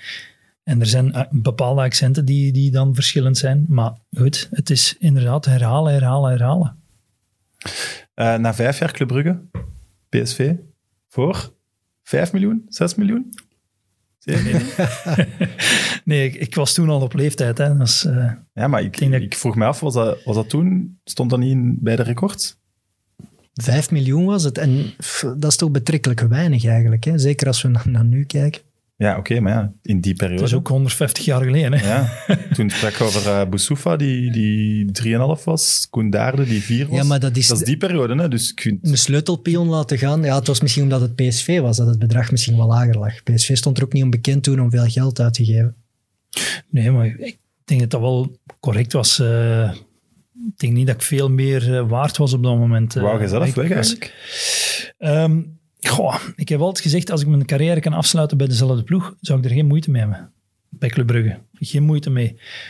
Maar dan moet je ook wel als club de ambitie hebben om ja, sneller te blijven nemen. En dat was op dat moment... Ze gingen afscheid nemen van So- Solid. Hè, eh, een beetje kritiek. Ja, het spel is toch niet dit of dat. Maar als je drie doelpunten per wedstrijd, ga maar na. Dat is nog maar weinig eh, herhaald. En zeker na vijf jaar. Want Mhm. ze zeggen, ja, dat sleet op, eh, op de relaties met... Maar doe het maar vijf jaar achter elkaar. Hè. Dus een zesde jaar had misschien ook wel gekund. En ze, ze gingen er afscheid van nemen. Ja, en toen heb ik ook gezegd van, goed, eh, wie gaat dan de opvolger zijn en wie gaan we qua transfers binnenhalen en wie gaan we laten gaan? En daar was geen een, eenduidig antwoord op. En dan denk ik van, goed, eh, ik heb ja, ambitie nodig en, en de drive nodig. Toen heb ik gezegd van, goed, dan eh, wil ik andere oorden opzoeken. En dan PSV als vervanger van Mark van Bommel. Ja, Vind ik toch net een trapje hoger dan Frankie van der Elst. Maar jullie gaan me nu waarschijnlijk tegenspreken. ja ik ben geen grote fan van, van, van hoe dat Mark van Bommel soms in zijn carrière deed in de pers. Als mens. Ik vind Frankie van der Ja, Elst oké. super aimabel, dus Ja, ik ga ik- nooit tegen Frankie zijn. Het is inderdaad een ander type, eh, ja. Maar het blijft Maar een, wel de Ne- grote een. Nederlander. Hè? het, is, het is een Nederlander. En ja, om bij PSV binnen Maar te geen komen cadeau als, toch, eh, lijkt amai. me. Nee, Nee, maar Bij PSV Mark van Bommel vervangen. Dat is toch de Ja. tweede keer een alleen, ge- geen groot risico per se, maar toch grote schoen om te vullen. dat is een grote schoen om te vullen, maar ik, ik hou wel van uitdagingen. En nogmaals, anders wordt het te saai. Ja, maar wat- dan lees ik dan wel, toen was ook Feyenoord een serieuze optie. Op Dat aanraden is- van Bart Goor stond er... Dat zou kunnen, ja. Ja, Mooi. Ja ik vind het ja, wel leuk dat, dat een collega eigenlijk zegt van, ja, die moeten gaan halen. een ander lichtspeler, jongens. Die Ja, een maar ja, Brugge-speler collega voor de duivel natuurlijk. Ja. Ja, ja, ja. Ja, en Goor zat bij Feyenoord. Maar Ja. je had Cocu nog hè, bij PSV. En ik denk dat dat er wel anders was het nog lastiger. Als ook Cocu toen was vertrokken, maar die had je... Dan stap je wel in een ja, geoliede machine, zal ik Dat niet meteen zeggen, maar toch wel een sterke een, ploeg. een goed geheel. Eh, maar ze zochten inderdaad wel, wel een opvolger. Ja, die al wat kilometers op de tel- teller had. Want eh, ze gaan zomaar geen, eh, geen jonkie halen. Die ze redelijk snel konden zetten gewoon ook. Ja, voilà. Ze moesten garantie hebben. Oké, die kan direct die, die rol invullen. Ik was een iets ander type dan, dan Van Bommel. Want Van Bommel is... Ja, Scoorde ook vaak. Hè? ja, ja, ja. Die, die ging dan vaak een rijtje hoger spelen. Maar goed, ze hebben een, een ander type gekozen. En dat marcheerde ook wel. Als je ja, ziet, direct eh, drie jaar op rij kampioen gespeeld. Ehm, dat was ook Maar niet... met, eh, met welke ploeg was dat in? Cocu? Farfan, Farfan, eh Vennegoor of Hesseling, André Ooyer, Alex achterin, Alex. Gomez in de goal? Gomez. Ja. Dan, we hadden toch wel eh, een vrij aardig ploegje. Eh, Aruna Kone van eh Ja. Lierse. zat, Ja. ja. ja. ja, dat is toch wel... Maar aanvallend toch oké nog. Ja, Farfan, Vennegoor, die maken er dan elk wel 15, 20. Dan Ja. zit je al aan een pak Ja, doelpunten. maar je hebt normaal zo PSV en Ajax-selecties je altijd wel spelers die daarna gewoon bij de wereldtop zijn terechtgekomen. Het is wel na een Van Nistelrooy, eh allee, het is bij voor een Ajax- Depay, Bij Ajax had toen... Snap je wat in ik die- bedoel? ja. dat was Ajax- op zich. En dan drie titels. Ja, maar op zich was dat ook weer al een, een geheel dat, dat perfect in elkaar eh, paste. We waren complementair, ook in het middenveld. Dat was, ja, de ene was de loper, de, de andere Maar was waren dan jullie complementair of maakte jij die ploeg complementair? Dat is toch ook... Je kunt toch niet altijd in een complementaire ploeg hebben gespeeld? Nee, maar voilà, dat is een kwaliteit. Dat was slimme... Voilà. Ja. U, uzelf wegcijferen voor, voor iemand anders. kan ik niet. Voilà. Nee, maar als je komt voor iemand anders zijn plaats af te pakken, dan is het, is het anders. Maar Hmm. hij kwam een plaats invullen van iemand die weg was. En ik denk dat het dat altijd wel makkelijker maakt. Zeker als het dan één op één is. Van Bommel voor Simons, qua positie, het goed. Ja, als jij iemand uit de ploeg moest gaan spelen, Mhm. ja, dan had je misschien een andere carrière gehad. Dat kan, hè? Ja, zeker. Want dan kan die andere het, het pleit winnen, bijvoorbeeld. En dan en ballantje dan worden ook, ook iets sneller ge- ah, geaccepteerd ook, eh, in die rol. Maar op zich, ja, ik ga geen, geen competitie uit de weg. eh, dat heb ik nooit gedaan. Maar het is wel iets makkelijker om, eh, ja, om die rol op te eisen. Maar dat verwachten ze ook wel. Hè. Je gaat naar Nederland. Ehm, ja, ik, is, is ook niet van de minste. En de eerste periode was echt wel hard. Die, die kon u onder de grond stoppen. Ik was 29 jaar. Ik dacht, wat, gouden schoen geweest. eh, 24.000 keer kampioen. 100, eh 100.000 Niet overdrijven. matchen. hè. Nee, maar voilà. Zoveel sterk Maar dan kom er je- toch niet bij Brugge? Nee, maar dan kom je wel binnen. Ik denk van, wow, ik heb toch al wel wat 50 matchen bij de nationale ploeg. Ja, ja. Ik heb Iedereen kent mij, betekenen. ja, voilà. Dat je daar zegt van, ja, ik heb de gouden schoen gewonnen. Of, of ze lezen dat dan. Zeggen, wat heb je gewonnen? Dat is de Hollandse brani. Je moet je echt wel terug op de kaart zetten en, en elke dag presteren. Ja, ik vraag me daar ook af hoeveel, hoeveel Nederlandse voetbalfans kijken er naar de Jupiler Pro League of naar eerste klasse toen. Dat Alleen. gaat meevallen. Hè. Alleen maar de freaks, denk ik. Ja, voilà. Eerlijk, in die periode wisten ze zelfs niet gouden schoen. Wie dat dacht, wie? Simons? Sommige journalisten zeiden van, Timmy, wie? maar ik, ik meen het echt. Je hebt echt, eh, ja, Ja, qua aanzien, als je daar binnenkwam, was, was je startte van op nul. Hè. Je moest echt elke wedstrijd bewijzen. En een paar keer geweest op training, Hiddink, eh, gewoon de grond onder. Hè. Dus, en ik was 29 jaar, dat verwachtte dan ook niet. Ik denk van, wow, ze hebben redelijk wat betaald van mij. Ik ga wel met wat standing binnenkomen. Forget it, hè. dat was echt... Heeft hij u dan nog echt veel bijgebracht? Ja, ja, ja. Ja? ja, ja. Zoals? Omdat, ja, ze verwachten voetballend ook andere, andere dingen. Ja. En daar was ik eigenlijk niet ja, op voorbereid, ben je nooit. Maar de filosofie van een coach ja, moet je toch wel proberen om te zetten. Als je Van Bommel in de ploeg hebt, ja, die af en toe een keer eh, gaat strooien met, met de passes. En ik was op een andere manier gewend. Bij mij was het balletje inleveren en je job doen. Daar heb ik toch wel stappen in moeten zetten. En in Maar- het begin was dat toch wel... Nu vind ik dat je zelf een beetje oneer aan doet. Ik ga misschien een compliment geven dan, maar allee, het is niet... Ik herinner me het niet als, als Kevin De Bruyne, die ineens een splijtende pas gaf, maar toch wel veel de bal naar voren de hele tijd. Dat is wat anders. Maar als Het Van is toch Bommel- niet gewoon inleveren bij een betere voetballer naast u? Dat vond ik het nu ook niet per se. Wow, toch vaak. Ja? Toch vaak, ja. Oké. Ja, niet, al- als de mogelijkheid zich, eh, zich toedeed, probeer ik er wel iets, maar dat was niet mijn grootste kwaliteit. Maar De daar grootste kwaliteit is misschien om jezelf zo goed te kennen. Ja, misschien wel. Ja. Ja, En ook anderen iets, iets te gunnen. Ik heb nooit afgunst gehad eh, als iemand eh, een doelpunt of assist of, of een transfer maakte. Heb ik nooit gehad van, ja, ik had dat moeten zijn. Dat interesseert me gewoon niet. Ik weet wat ik kan en ik zal wel zien dat ik, dat ik raak waar ik wil geraken. Dat is, ja... Lijkt me ook wel een zegen om zo een keer in toch een, een andere cultuur te komen. En dan direct bij een Hiddink, bij een Cocu. Dat moet toch geweldig zijn? Dat zijn toch namen waar je naar uit... Allee, Cocu die komt van Barcelona. Hiddink die had al alles gewonnen. Ja, allee, dat, dat Ja, lijkt me ja. wel leuk Daar ging de gewoon. ambitie die je toen een beetje miste in Brugge, die was daar wel. Hè? De laatste, allee, de laatste tijd, eh, of de laatste periode bij Brugge, om, om die beslissing ik, te ja. pakken. Dat PSV Ja, was tuurlijk. beter dan het Brugge waar jij vertrok. Ja, ja. Tuurlijk, Ja. tuurlijk. Qua ambitie, ja. Sorry, maar dat was, dat was geen... eh, ehm, Was die ja. rivaliteit met Ajax trouwens te vergelijken met die tussen Brugge en Anderlecht? Nee, dat was anders. Want dat zeggen we zo altijd, hè? Van, dat is PSV is Brugge, Anderlecht is Ajax, maar Dat vond ik iets minder, omdat ik denk dat, dat vooral de rivaliteit tussen ehm, Ajax en Feyenoord veel groter is dan, dan ten opzichte van PSV. Die is er, hè, tuurlijk. Het, Tuurlijk, zijn, ja. het zijn topclubs. Iedereen wil eh, kampioen spelen. Dat merk je wel. Maar op zich ja, heb ik daar weinig, eh, weinig van gemerkt. Want je pakt, wel, eh, je pakt wel nog wat prijzen af van Ajax. Ik denk dat die periode wel pijn doet bij hun. Bij Feyenoord ook natuurlijk, maar bij Ajax, die- waar ze verwachten elk jaar kampioen te worden, en je krijgt dan een PSV met een Cocu, een Simons, eh, een Vennegoor of Hesselink, waar ze bij Ajax denken, ja, eh, wij hebben beter spelers en die winnen hier al die titels. Dat was, ik denk wel dat dat pijn doet, die periode. Allee, ik ben er zeker van. ja, ja, dat lijkt me logisch. 100 procent. Want de jongens die toen daar zaten, Jan Vertongen, eh, Vermalen, Die zijn nog altijd dat deed wel, eh, wel pijn. Ja, ja, ja, ja. En we lachten er soms een keer over. Van, ja, de Supercup werd dan eh, in het begin van het seizoen gespeeld. En eh, ik zei van mannen, win de Supercup. Maar na, na het tweede jaar, ja, maar wij zullen het kampioenschap wel, eh, wel winnen. Dus dat was al een steek op voorhand. eh, allee, dat, was, dat was wel leuk. Ja, dat moet wel Dat genieten wel leuk. zijn. Eindhoven, de kleinere stad ten opzichte van Amsterdam. Ja. Was er, in, was er in die periode trouwens een groter niveauverschil tussen de Eredivisie en de Jupiler Pro League? Ik heb altijd het gevoel dat het toen het verschil groter was.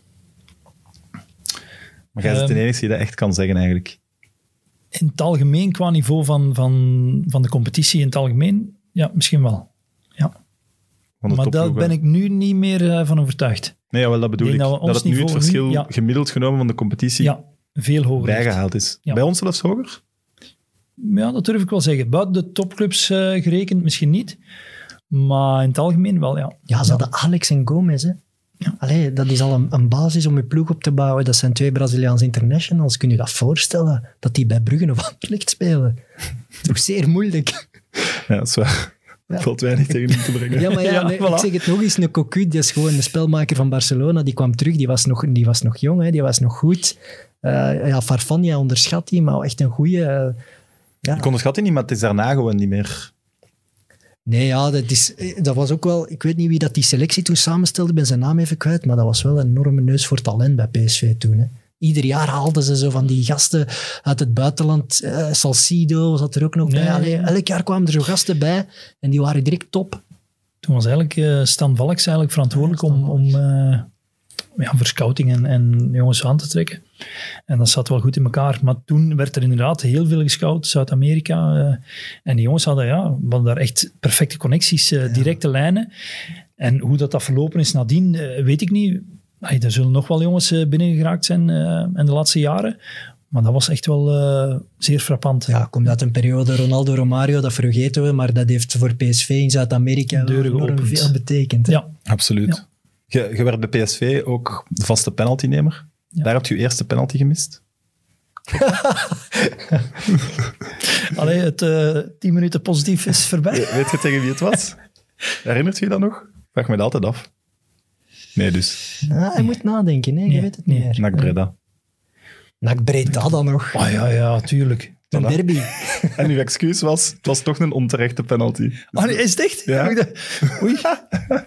Kijk, hoe zie soms moet je dat zeggen aan de gast, wat ze gezegd en gedaan hebben. Hè? Ja, Maar ja, hoeveel- van Ja, je hebt, je hebt dat gelezen waarschijnlijk Ja, ergens. ja, tuurlijk. Ik was Ja. er niet bij, ik ben geen NAC supporter. Ah ja, voilà. Ik weet niet, als je 100 penalties getrapt hebt, dat je nog van elke penalty weet wat er aan Nee, maar van uw eerste misser. zijn. je Ja, hebt hoeveel had je er daarvoor gescoord? Ja, tegen welke keeper? veel zijn. Die keeper moet toch een soort van angstgegner zijn. De eerste Ja. keeper die een penalty kon pakken. Wat is het geheim van een goede penalty? Ik denk gewoon eh, cool kunnen blijven. Ja, nu hadden we wel iets heel beslissen. spectaculair verwacht. hè. Ja, ik ook. Ja, ja, ja. ja, Ik ben ja. teleurgesteld. Ik had het dus Maar, nooit kunnen. cool blijven als je 80.000 mensen op tribune die beginnen fluiten en, en zotten zitten doen. eh, dan moeten we cool kunnen behouden. Want ik heb jongens gezien met, met 100 keer een betere traptechniek, maar die eh, verstijven gewoon als ze daar gaan staan. En dan verlies je je kwaliteiten. Dat is ook een vraag die we vaak kregen. De penalty tegen Turkije. Heb je daar spijt van dat je hem niet genomen hebt? Nee, want op dat moment kon ik hem niet nemen. Dus dat, ik blijf Maar nog altijd... dat je ja, niet- ik, had, ik had zoveel last, ik had hem niet kunnen trappen. Maar en achteraf bekeken, dan achteraf bekeken had ik Axel uit de wind moeten zetten door hem wel te pakken.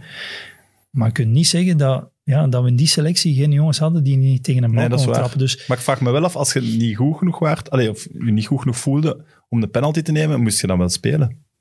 ja, ik heb inderdaad gespeeld, maar de last die op het einde van de wedstrijd was, en die penalty was op het einde, dat ging niet meer. Ja. Dat kan ik nu nog zeggen en daar heb ik inderdaad spijt van. Maar dat snap ik. Dat Ja, is dat dat een die- wereld van ai- verschil geweest. En Ja. voor een of andere reden was dat ook zo'n vraag die we veel kregen. Dus mensen onthouden dan wel dat. Ik zeg niet dat, dat die een bal binnen had gegaan. Dat is nooit garantie. Maar ik had Axel, Uh, misschien, 97% zeker, volgens de statistieken, denk ik. Axel misschien wel uit de wind moeten zetten. Maar je hebt een lijstje. Allee, ik bedoel, als er twee, drie jongens opstaan, ik ben niet degene die zegt van, nu moet ik hem trappen. En op dat Nee. moment was mijn oordeel van, ja, we maken meer kans met Axel te laten trappen dan ikzelf. Hij heeft het wel gevraagd aan u toen. Ja, tuurlijk, tuurlijk. Dus ik heb gezegd, Ah, hij kwam doe het vragen aan u. Het is niet dat jij zei... Ja, eigenlijk van, Ja, Axel, pak hem maar. Dus, allee. snap ik ook. Want als je hem dan neemt en je mist hem en je zegt dan... En ik dan- voel, dan ja, gaat iedereen zeggen, ja, laat dan nee, iemand anders nee, nemen. Hè? nee. Ja. Ik heb die beslissing gepakt in, in eer en geweten. En eigenlijk, ja, achteraf bekeken had ik het niet moeten doen. Maar goed, dat zijn, dat zijn zaken, dat kunnen er mee terugdraaien. Natuurlijk. Wat is de, de belangrijkste penalty eigenlijk die, er, die erin is gegaan? Eh, dat is een goede vraag. De last minute denk- winner of zo? Ik denk in de kwalificatierondes voor de Champions League tegen, is nu Zenit of ergens Shakhtar Donetsk, Een beslissende. Dat was beslissend, omdat we toen 1-0 achter stonden ginder. We konden 1-1 maken en dan in de terugwedstrijd hebben we het dan kunnen afmaken. Dus dat was een van de beslissende momenten. Ja. Ja. Ik vind het nog altijd wel heel straf dat er mensen zijn die dat heel goed kunnen en mensen zijn die dat niet goed kunnen. En ik refereer dan ook weer naar Messi, die er toch al een heel aantal gemist heeft. Wat dat toch wel bizar Ja, maar is. ja, hoeveel meer gescoord? Zo moet je het eigenlijk bekijken. Hè? Ja, maar die zijn penalty ratio is, is echt Niet niet, niet, niet, ja, niet, niet Messiaans. Terwijl, ja, als ik moet aanduiden op een elftal, Timmy Simons, je moet de penalties nemen, zou ik ja, denken, ja nee, neem die spits of de nummer 10. Dat is En Messiaans. Zie dat dat klopt, wel? dat klopt. is Maar je hebt verschillende raar. manieren om een penalty te nemen. Ja. Als je ziet, Eden Hazard bijvoorbeeld, die, die neemt totaal verschillend een penalty dan, dan ik zelf. Ik kies een hoek uit en zeg van oké, daar ben ik van overtuigd. Zo hard mogelijk, zo zuiver mogelijk, klaar. Punt. En dan maar die keeper dat staan zwaaien en, en zot doen. Dat interesseert me Dat niet. Gewoon je die meer. focus is Dat zie je daar. niet, ja. Nee, natuurlijk, als hij vroeg vertrekt, kan je nog zeggen van oké, ik duw hem andere kant, maar ik beslis op voorhand. Maar Eden bijvoorbeeld, die loopt aan, die stopt, die stopt nog een keer en dan trapt hij pas. Ik zou bij God niet weten waar het in bal nog ligt, want ik kan niet kijken naar, naar de keeper en naar een bal. Dat is niet een gave. Dus ik, ik, tot, ik, ik pak totaal een andere filosofie om in penalty trappen. Dus je hebt verschillende manieren. Maar dat zou ik niet kunnen, bijvoorbeeld. Ja, begrijp ik. Ja, en, en dat is ook de Jan Mulder-methode hè, die hij nu beschrijft. Hè. Mulder is altijd eh, van een penalty is makkelijk, dat is trainbaar. Je moet gewoon je hoek kiezen, naar de bal blijven kijken en hard binnenkant voet.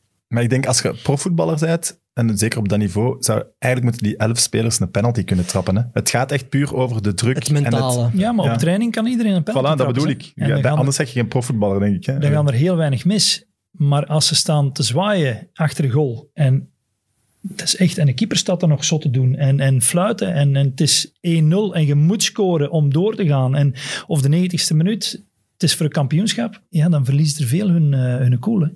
En dat bedoel ik met die rustig blijven, cool, wat dat heel saai is. Hè.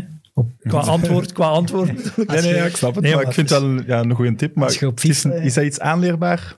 Jawel, dan, moet je, ja, dan moet je die trainen, situatie... trainen, trainen. Ja, maar ja, dan moet je die situatie kunnen Je kunt nabootsen. dat en dat moeilijk kun je niet, hè. nabootsen. Ja. Ja. Er zijn ploegen Ja, die dat doen, klopt. hè, zo fluiten terwijl iemand een penalty moet nemen op training dan. Hè. Maar, ik snap het, maar zelfs dan gaat het nooit... Maar het stressniveau is niet Nooit. hetzelfde. Adrenaline is niet hetzelfde. Ehm, ja, je weet ook dat, dat er niks op het spel staat. Op Maar FIFA, gaat er maar aan staan, hè? Op de, Op Play- FIFA, ja. op, op FIFA, op de Hey, PlayStation. ook stressen, hè? krijg je, belangrijke dat, kas- momenten. dat kastje begint zo te bibberen. Hè. En lukt dat nog ik- even goed? ik- of, of Ik niet? verschiet er altijd wel van. En nee, als dat bibbert, ben ik slechter. Oh man. Ja, dat is, zo, dat is toch omdat mijn vingers dan van die toppen glijden. Dus ik denk dat dat hetzelfde is als je in een stadion staat. Ik Ja. denk dat dat nog wel een pak erger is. Uw, uw, been, uw been heeft sneller de neiging om toch zo wat... Zo, shit, Een ander ding waar ik nu aan denk, Bibberen. zouden dan tijdens corona, is het nog nu gemakkelijker om de penalty te nemen misschien? Ja, Oké. tuurlijk. Dat is weer een saai antwoord, het want heeft- het is gedaan maar. Nee, maar het, het heeft gewoon invloed op, eh, op alles. De supporters, eh, als je een thuiswedstrijd eh, wedstrijd speelt, wordt sowieso beïnvloed. Of dat je het nu draait of keert. En nu is het totaal anders. Of dat je nu buitenshuis of binnen eh, thuis speelt. Dat maakt op zich niet, niet zoveel uit nu. Boven een postende. Daar zitten precies duizend fans in de tribune. Ja, ik vind het zeer irritant, eh, die geluiden, moet ik zeggen. Maar goed, dat- dat- als dat iets te laat staat... Eh, ons PlaySportsuur zit erop. Nu al. Ja, maar, Dat ja, vliegt, is- hè, klok staat naast we zitten nog maar half weg. eh Ja, maar we gaan niet stoppen. bij We- PSV zijn we, zijn We gaan nog door. We gaan nog door, maar we gaan voor YouTube en voor de podcastkanalen gaan we nog door. Niet tegen Wesley Songs zeggen dat we nog verder gaan. maar aan de PlaySports-kijkers, eh, we zien jullie graag volgende week terug. Diegenen die nog verder willen luisteren naar, wat komt er nog? Nuremberg, Club Brugge, ook nog een beetje de Rode Duivels. Abonneer je op de Friends of Sports podcastkanalen of op het YouTube-kanaal van PlaySports. Voilà. Het is altijd het ongemakkelijke 30 seconden. Ja, je moet die brug maken, hè. We maken ze. Ik, ik probeer ze. Voilà. En nu Voilà. zegt iedereen dat we relaxter zijn. Dus, ah, ik ben ja, al veel relaxter. Ik ga erop letten hoe dat, dat dan komt dat we nu relaxter zouden zijn. Mensen zeggen dat, maar ik merk dat verschil niet. Na PSV, Nuremberg. En ik las ook, maar het gaat waarschijnlijk weer niet waar zijn, want mijn bronnen zijn echt zeer slecht vandaag, eh, dat er wel een soort van belofte was, PSV die u gratis liet vertrekken, van je komt terug voor de technische staf. Twee jaar nog, en dan komt je terug om bij ons in de technische staf te komen. We hebben inderdaad eh, die afspraken gemaakt ehm, om eventueel bij PSV in, in een functie te blijven. Maar of dat dan nu technische staf was of eh, ergens beloften of, of iets anders, daar is, dat was nog niet eh, exact verwoord. Eh, maar het was wel de bedoeling om, om bij PSV eigenlijk te eindigen. Ja. Maar jij wou gewoon naar de Bundesliga. Ja, en dat is natuurlijk de consequentie als je weggaat en je belandt dan weer al. Ja, ik heb mijn carrière denk ik nog acht jaar kunnen verlengen. Ja, dan, dan is het een totaal ander, eh, ander gegeven. Andere beleidsmensen bij PSV. eh, ja, je hebt zelf ook een andere piste of, of traject uitgetekend. Of je denkt van goed, nu moet ik die keuze maken. Maar inderdaad, en eigenlijk bij elke ploeg dat ik gezeten heb, heb ik de intentie gehad, of hadden we de intentie, stel dat ik hier eindig, oké, ligt er wel een, een job klaar. Hoe ver in detail, eh, dat, allee, dat is afhankelijk van, eh, maar ja. Ja, dat was- niemand had kunnen weten op dat moment dat je nog acht jaar ging voetballen. Nee, nee. Dat had je zelf toch ook niet meer En dat had ik zelf ook niet, want Nee, eigenlijk oorspronkelijk wilde ik er niet weg, omdat ik wist van, kijk, ik kan hier aan de slag blijven. Maar aangezien dat je het laatste jaar niet veel aan spelen ging toekomen, ja, was het voor alle partijen eigenlijk beter, eh, de coach, eh, de club zelf, voor mezelf, om andere oren op te zoeken. Want ik En ik was daar super graag. Ja, Toch? als, het- als je die kans krijgt op je ja, 3,34, wat was het? Ja, dan moet je ook niet twijfelen. Maar waar speelde Nuremberg toen? Was dat tegen degradatie, middenmoot? Eh, Hoe moet ik dat zien? Ja, net erboven. Dus, en de ambitie was om erin te blijven. Maar ja, we hebben echt wel een, een redelijk goed seizoen gedraaid dat eerste jaar. En we hebben ons doel eigenlijk al, al ja, vroeger behaald dan, dan gepland. Dus dat was echt wel eh, een ontlading. Ehm, ja, Heb je was- daar u het mo- de mooiste goal uit je carrière gemaakt? welke was er nu weer? Tegen, Wolfsburg. Nee, Welke- was er nu weer ja. ja, en ik ga ja, eindelijk Ja. stink je er een keer in, zeg. Je Amai. had het mooi opgezet. Perfect Ja, opgezet. eigenlijk wel. Zo, ja, ja. Als je dat, Ja. in- als je dat ingeeft, eh, Timmy Simons, Wolfsburg, dan is dat echt... Nee, wow. dat was, dat was Lekker. echt wel... eh, ja. Boom. Wat, wat was het grootste verschil met de Bundesliga, tuss- tussen de Bundesliga en de Eredivisie of de Jupiler Pro League? Ehm, eigenlijk de ploegen, als je daar niet 100% bent, dan verlies je tegen eender welke ploeg. Maar dan topploeg zijn tegen startploeg, daar zijn ze zo atletisch, of het atletisch vermogen dat ze daar hebben, ja, daar, daar kunnen ze allemaal lopen. En het ja, is eigenlijk een statistiek die klopt. Wordt er meer gelopen in de Bundesliga? Ehm, Dan moet, dat allee, moeten we toch meten? ja, dat kunnen meten, ja. ja. Ik weet dat De Bruyne daar wel In de Een top 5, gigantische in de, top motor heeft 5 de gekregen high door inderdaad intensity contact. runs is Bundesliga nummer 1 van de top 5 liga's. Want daar wordt wel elk jaar een studie van. En dat is altijd de Bundesliga. Dus er wordt hard gelopen. Premier League is ook wel... eh, De laatste jaren. Een van de, ja. ja, Ja. ja. maar toen, ja, ik, ik merkte alleen het verschil van, kijk, daar zijn ze allemaal bekwaam om 90, 95 minuten volle gas te gaan, on, ongeacht de kwaliteiten, voetbaltechnisch. Maar daar viel niemand door de mand. Hè, als, als je bijvoorbeeld bij, bij Club in de eerste periode of bij PSV, na 70 minuten, ha, als de motor nog eens even in overdrive ging, konden nog het verschil maken. Maar in Duitsland, ja, waren er nog tien andere pannenkoeken die dat konden, bij wijze van spreken. Dus daar werd het verschil op andere manieren gemaakt. Dan moest je echt topfit zijn, of anders, ja, buitenshuis tegen een, een startploeg ging de 3-0 verliezen. Als je daar niet topfit aan de wedstrijd begon, of 100%, dan kon het tegen iedereen verliezen. Maar dat zie je toch ook in de Bundesliga, hoeveel traditionsvereinen daar de laatste jaren zijn gezakt in een seizoen waarin het wat tegen zit, omdat alle ploegen... Ja, plots kan een, een startploeg kan top 6 spelen het jaar nadien. Dat ligt daar heel dicht bij elkaar vaak. Maar dan moeten we misschien eigenlijk wel ook meer respect hebben voor wat Bayern doet. Want we zeggen dan altijd, Ja, zij maar- zijn zo ver voorsprong, maar ook, allee, Ze ze, het. misten nu een paar spelers, ze winnen niet. Hè. Ja, en op die Eigenlijk, Bayern is, is, ja, dat is gewoon echt out of the league. Hè. Dat is echt gewoon niet normaal, denk ik. Ja, wat Club Brugge nu is in België. Ja, laat ons hopen dat het dat niet wordt. heb Want jij dan hebben we gisteren gekeken? Wat Club Brugge nu is in België, is eigenlijk Bayern München in, in Duitsland. Ik begrijp maar het dat is, dat is een instituut, eh, ja, daar... Maar dat is toch niet leuk? Dat Als jij met niet. Nuremberg naar, eh, naar München moest, dan schreef je de, de, de vernederlaag al op? Of? Mm, Ginds wel. Thuis had je nog enigszins kans dat je iets kon halen, gelijk spelletje, of met een keer geluk eh, winnen. Maar Ginder was het, ja. En zelfs, je wist het, en na een kwartier, 20 minuten was het 2-3-0. En dan mocht je hopen van, jongens, duw niet door alsjeblieft, want dan werd het wel heel moeilijk. Ondanks dat je voorbereid was, ja, gebeurde het toch. Dat wil je niet Maar- als competitie. Hè? Ja, dat, dat weet ik dus niet. Ik heb er geen probleem mee dat Brugge nu zo goed is. Dat ze zelfs eigenlijk leuker dan doen dat ze echt tien jaar geen titel pakten. Moest ik toch even zeggen. Eh, nee, maar ik snap wat ik bedoel. Dat is leuker om ze dan, lekker nu dan zondag, te kloppen.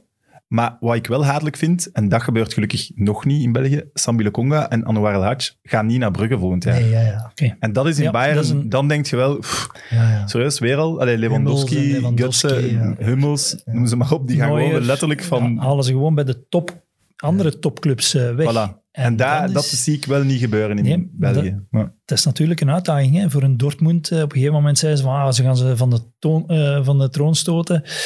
Leipzig komt korter. maar op het einde van de rit, ja, wie wint er? Of wint er het kampioenschap? Bayern. ja. Maar dat is ook een Maar, dat, dat, maar dat lijkt alsof die Duitse ploegen zich daar wel zo meer bij neerleggen. Like die, noemt die een verdediger van, van Red Bull nu?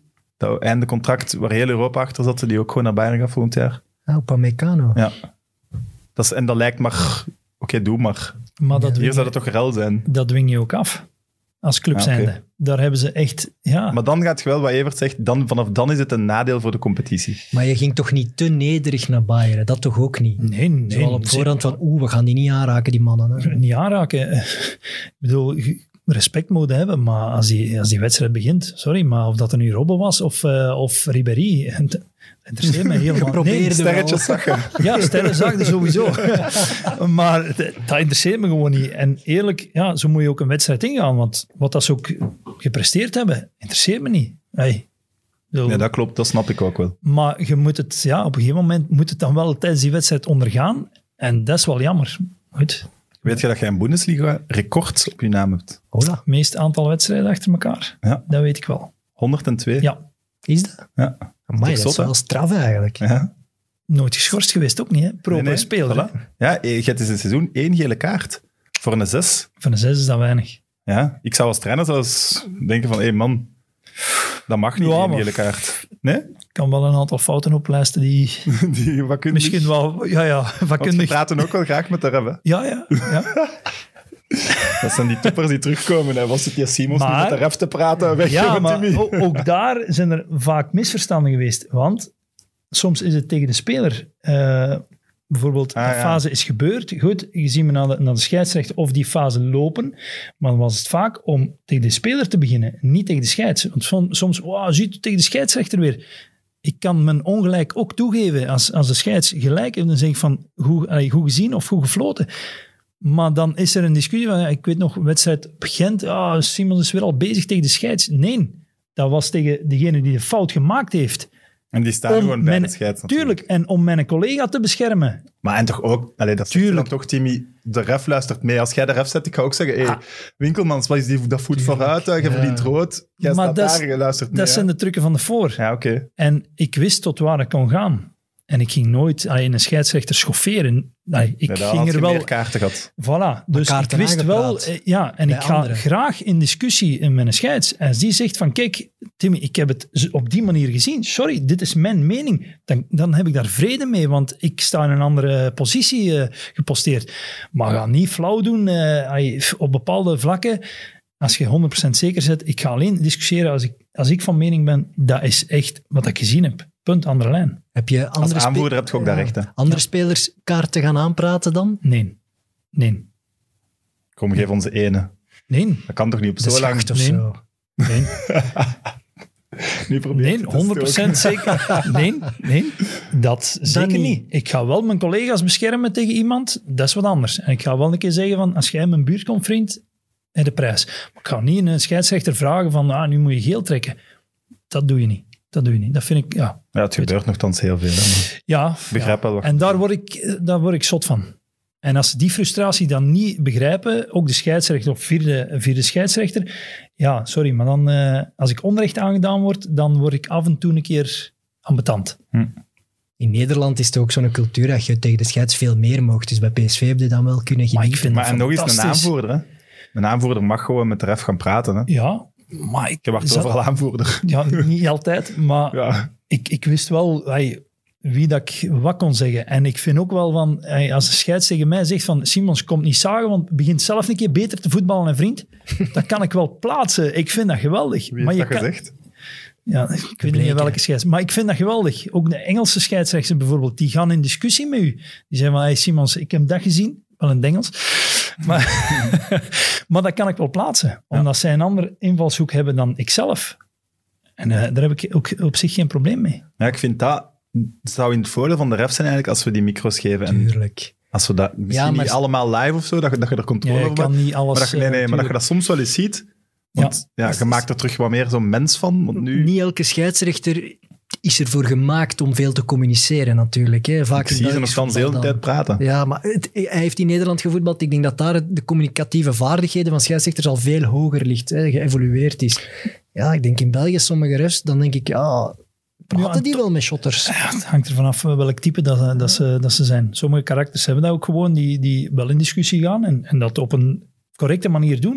Ik denk dat je met Vormer wel kunt En discussiëren. dan kan, je ook, ja, dan kan je het ook beter plaatsen als speler ook. Dan gaat die frustratie, die, die Voilà. angel wordt er even uitgetrokken. Oké, goed, ja, hij heeft het op die manier gezien. Hm, Of ik ben misschien mis Of als zo'n eh, scheidsrechter tegen je zegt Manneke, het ligt aan Ja. jezelf. Je bent slecht aan het spelen, je bent ontop ja, dat is wat anders. Dat heeft niks te maken met de, met de beslissing die hij gepakt heeft. Voilà. Dat is wat ja, anders. Dat zal wel veel frustratie Maar- meenemen naar de hè. Voilà, en dan denk ik van, verdomme, ja, het eigenlijk wel gelijk. Ik kan zelf eh, zien dat ik, eh, dat ik beter ga.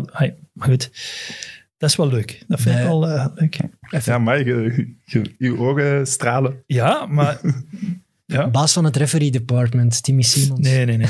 nee, nee, nee. Want eh, als, als ref... eh, het is een hondenstiel. Hè. Je kunt voor niemand goed doen. Het is ofwel voor die een partij niet goed, ofwel voor de ander. En dan zitten er nog supporters en, en, en de bestuur VAR. die, die nog af en toe nadien nog Af eh, en een toe, steek het geven. bestuur ziet overal complotten, heb ik Dus altijd het ja, gevoel. Ja. je kunt voor niemand goed doen. Bij Nuremberg ja, hadden wel Gundogan. Ja. En viel dat meteen op? Zijn voetbalkwaliteiten wel. Maar Dat zijn ik ook, ook niet. ook Nee. hij is, is ja, van een jongetje moeten doorgroeien naar een man. En dat heeft ook zijn tijd nodig gehad. Want ja, op, dat, ma- op dat moment ja, was het een beetje speels nog en, en leuk in balbezit. Maar in balverlies moet je ook eh, iets doen. Ja. Soms is het 50-50. Balbezit heb je 50%, maar wat doe je met die andere 50%? Hè? En je kan niet eh, jezelf verstoppen. Je moet ook werken voor de ploeg. En daar heeft hij ook wel de klik gemaakt. En chapeau voor zijn carrière, echt waar. Heb je dat niet ook gehad in je carrière, dat er zo'n speler misschien dacht, ik ben technisch hier beter, Ik laat hem wel een beetje meer lopen Ja. en ik zie dat ik aanvallend iets meer doe. Dat duurt eh, vijf minuten. Oké. En dan bepaal ik ook zelf van, coach, ga je er iets aan, iets aan doen, ja of nee? Ah, Of, via ik, de pak, coach of dan? ik pak hem zelf Ja. aan. Ja, ja, eerst zelf Voilà. aanpakken.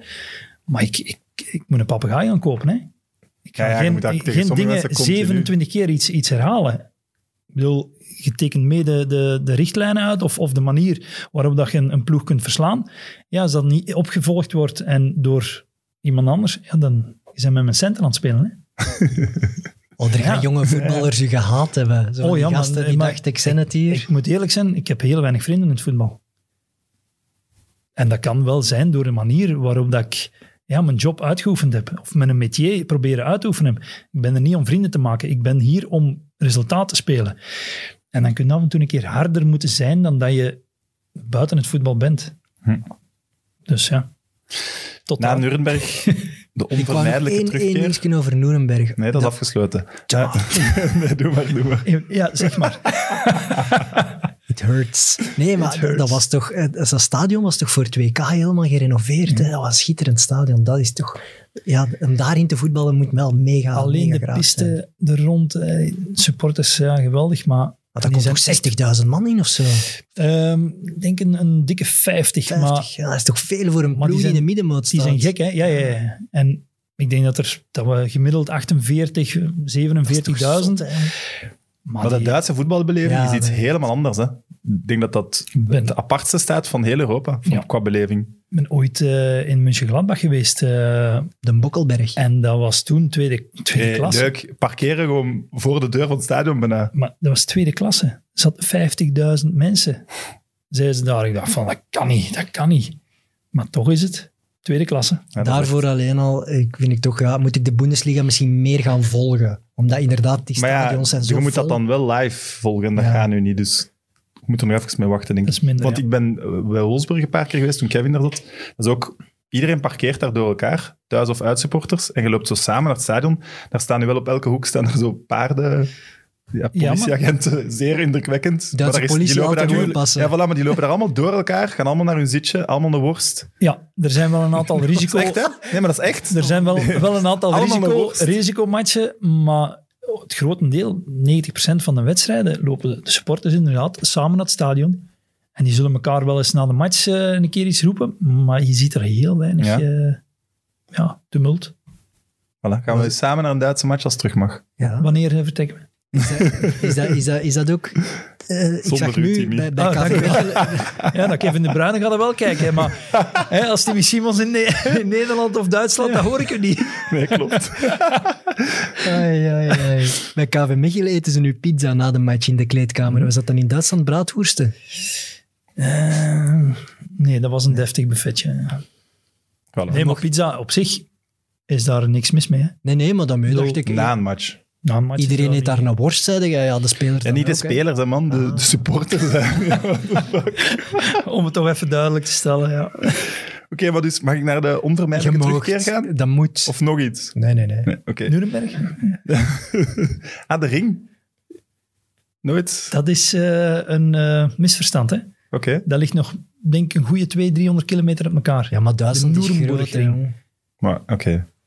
Dat is echt Eh, groot. 500.000 voor een 37-jarige speler. Dat is veel vertrouwen, toch? Dat Club Brugge nu had toen. Is niet 500.000? Ja, maar langs de andere kant is dat ook eh, een, toch een soort van... Allee, een kleine toegift. Dat is ook niet het. Dat weet ik niet. Wat dat er betaald is, weet ik echt niet. Oké. Maar- Wat, is je bron, Sam?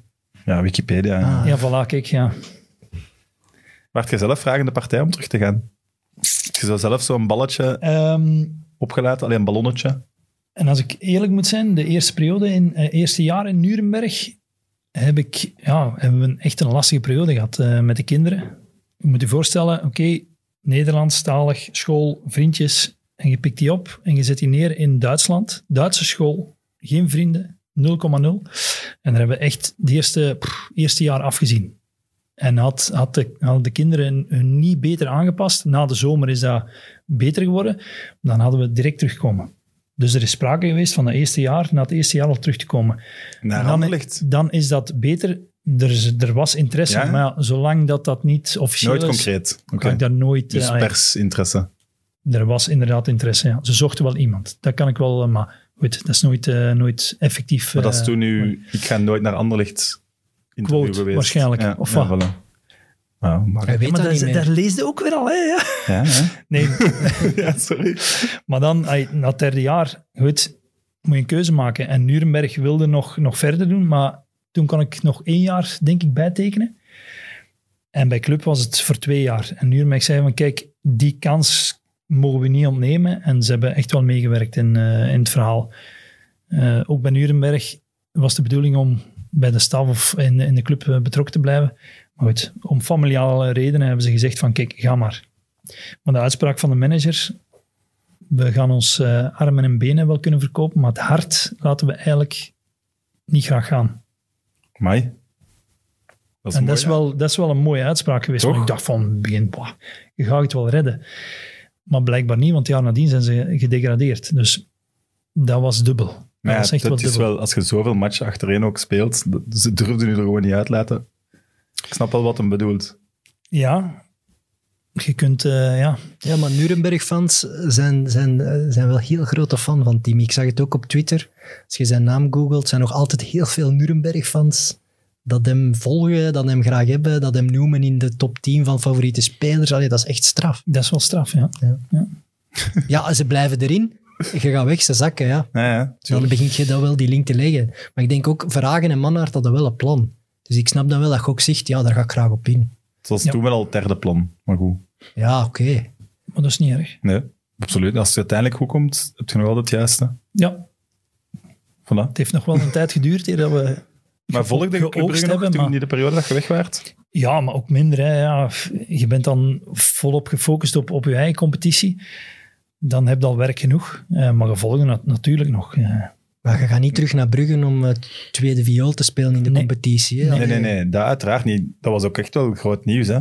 Dat was niet, geen verwachte transfer. Hè. Ik zeg nu wel de verwachte terugkeer, maar het, le- het leek alsof het al te laat was om nog terug te komen. zeker op, op mijn 37 jaar. Ja, Ja, voilà. wie, wie verwacht dan nog dat je, dat je nog, nog gaat terugkeren en, en voor twee jaar gaat tekenen?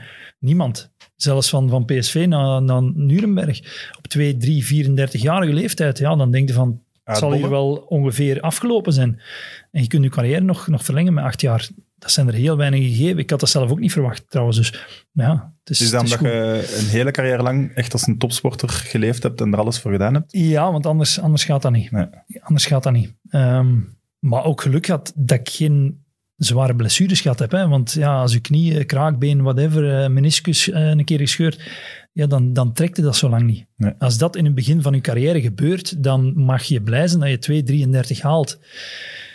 Maar Zoals is, Steven de Voer, denk ik. Je voilà, dat meer met... die heeft nog de kwaliteit. Ik, ik, we hebben het er tegen gespeeld dit weekend. Dat je zegt van, moet die mens stoppen met voetbal? Ik zou het nog niet doen, maar als het lichaam op is, is het op. En dat, is, dat is het spijtige van de zaak. Eh, In je hoofd wil je wel mee, maar als je niet meer kunt brengen op het veld wat dat je zelf denkt, en je beseft dan ook wel...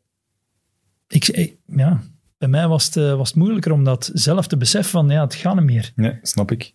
Maar je, je komt dan wel terug als 37 jaar al. En het is ook niet meteen prijs, de titel. Nee. Terwijl dat was wel waarvoor je terugkwam. Om hun na zo lang nog eens de titel, de titel te geven. Begint je dan te twijfelen zelf? Nee, nee, maar Want verlengde je toen met het oog... Shit, als we al kampioen waren geweest, zou ik nu stoppen. En ik verleng nee, nog? Nee. Nee. En, en iedereen zegt van ja, je moet op een hoogtepunt stoppen. Wat is een hoogtepunt? Dat zal ik zelf wel bepalen wat dat is. Want dat er nu een kampioenschap is of niet. Of, of het jaar te veel. Ja, bang voor het jaar te veel. Nee, ik, had het, ik was bang voor het jaar te weinig. Dat snap ik ook. En bij wijze van spreken, ja, ik, het gevoel hebben van het kan nog en dan stoppen. Dat is het meest ambetante dat er is. Dus ik heb het risico gepakt. Zoals ik doe nog Robben. Ik doe nog verder, ja. ja. Dus totdat het echt op is. En dan besefte wel van, goed, het is goed geweest. Als je die jonge je- gasten ziet afzien en je denkt van, hm, het wordt al lastig om dat te volgen, dan is het goed. Als het vies is, op is, Als klaar. je schrik had voor het jaar te weinig, heb je wel geluk gehad met hoe dat het dan uiteindelijk gelopen is. Hè, met de ploeg dan. Hè, dat je wel nog dat succes hebt gehaald, waardoor het uiteindelijk wel een hoogtepunt was. Ja, maar ook dat heeft tijd eh, gevergd. Hè. Ehm, maar dat wisten we eigenlijk op voorhand wel. Want je hebt terug aan iets moeten bouwen. En ja, Maar het is toch veel schoner om te eindigen met, met zoiets. ja, tuurlijk. Ja, nee. Maar was dat uw schoonste titel? Uw mooiste titel van de carrière? Elke titel tegen Anderlecht eh, is Ah. mooi, hè? Ik bedoel, en zeker op, in, in eigen huis. Snap, maar dat, dat is gewoon zo. Tuurlijk. Voor de grootste de- concurrent op dat moment, je kunt thuis kampioen spelen, dat zijn de mooiste. Daar gaat niks boven. Pff, Dat heeft niet, niks te maken tegen Anderlecht, maar dat is gewoon zo. Ja, dat Dat is begrijp ik. gewoon zo. Eh, dat is trouwens een goede vraag van Siemen. Eh, de mooiste overwinning bij Club Brugge, de bekerfinale van 2015.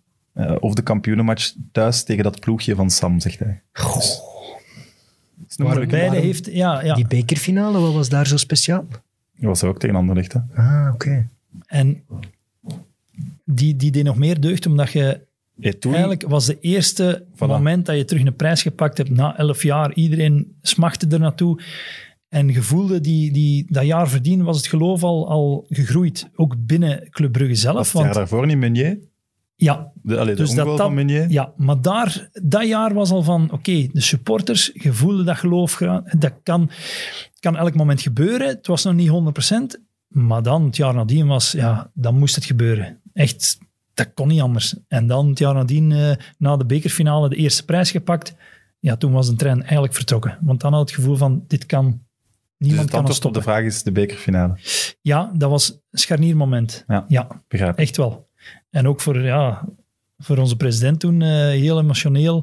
Als je ziet hoe, hoe dat er gewerkt geweest is om dat te bereiken en je ziet die emoties dan, dan vind ik dit de, de mooiste. En ook, ja, als je dat de supporters kunt geven, top. Daar geniet ik nog het meeste van. Daar is meer het, dan ja. zelf dat moment. Daar is het ook begonnen. Hè.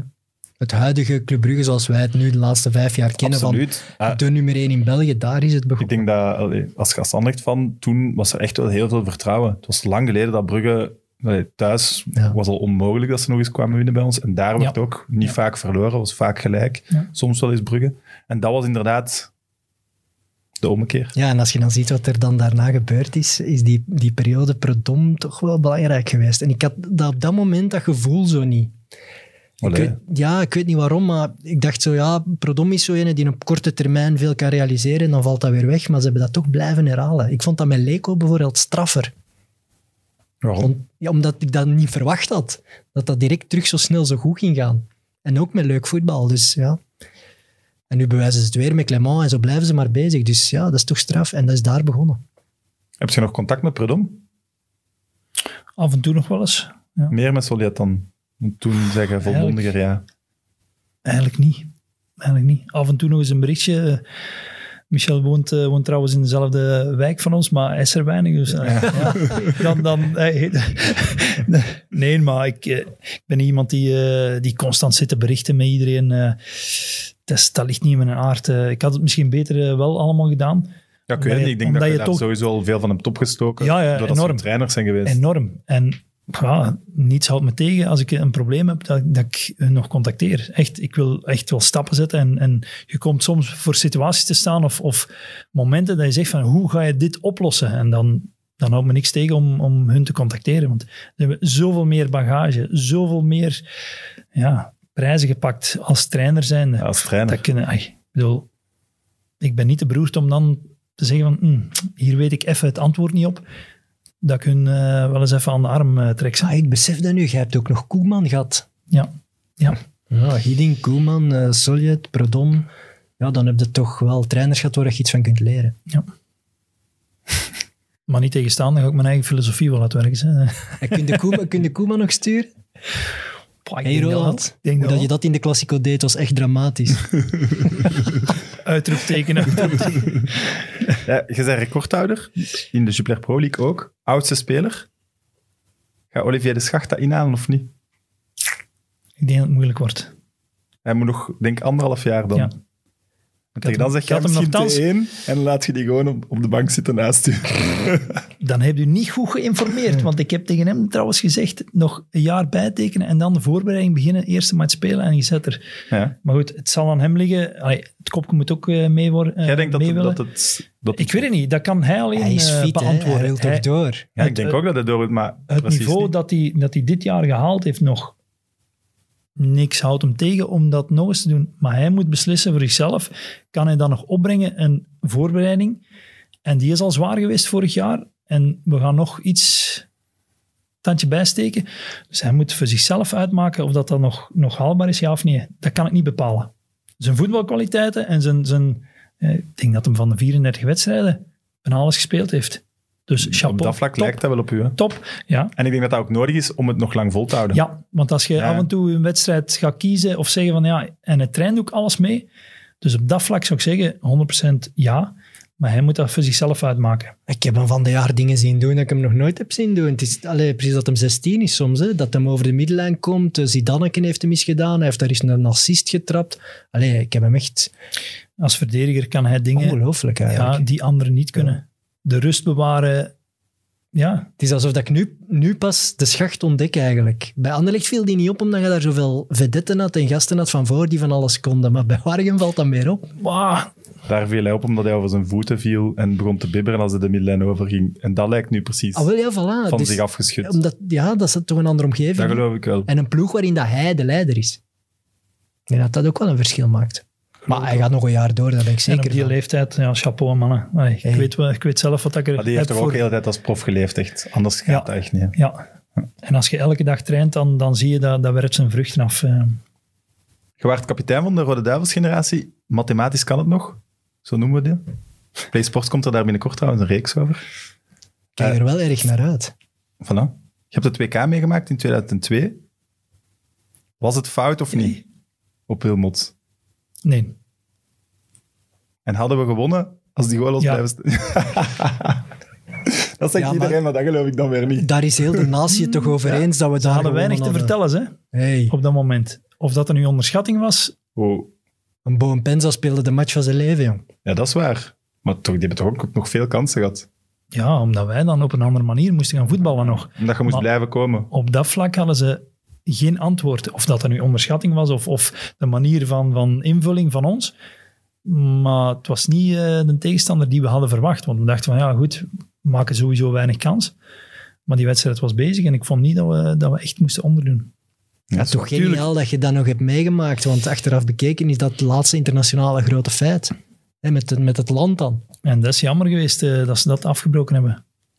Maar het is voor u dan wel gelukkig dat je nog net dat hebt kunnen meemaken. Maar ja, Ja, maar wel vreed aan mijn tand dat de volgende over al die gemiste niks, toernooien, ja, eh, maar daar valt niks meer was. Ah, ja, dat is inderdaad, daar valt zoveel over te vertellen. Elke kwalificatieperiode opnieuw was er wel iets dat, dat het niet lukte, dat ons tegenhield. We hebben met advocaat liggen proberen, met, met god weet wie allemaal. En we, waren, we niet. zijn nooit begonnen aan die campagne met dit gaat niet lukken. Want het was altijd wel een groep waar dat je in de weegschaal mee lag. Alleen met de ploegen. Ja, er- Mathematisch kon het nog altijd. Ja. hè. ja maar dat was ook zo. Het waren nooit... Die anderen waren slecht. Nee, dat waren wel altijd ploegen van, van ons niveau, vond ik wel. ja, ja, voilà, dat bedoel ik. Hè. En dat je toch dacht, kom hier, hier bij de eerste twee dan te zijn, om misschien ook barrages te halen, dat moest toch altijd wel lukken. Maar ja, Wat was de mooiste periode bij de Rode Duivels?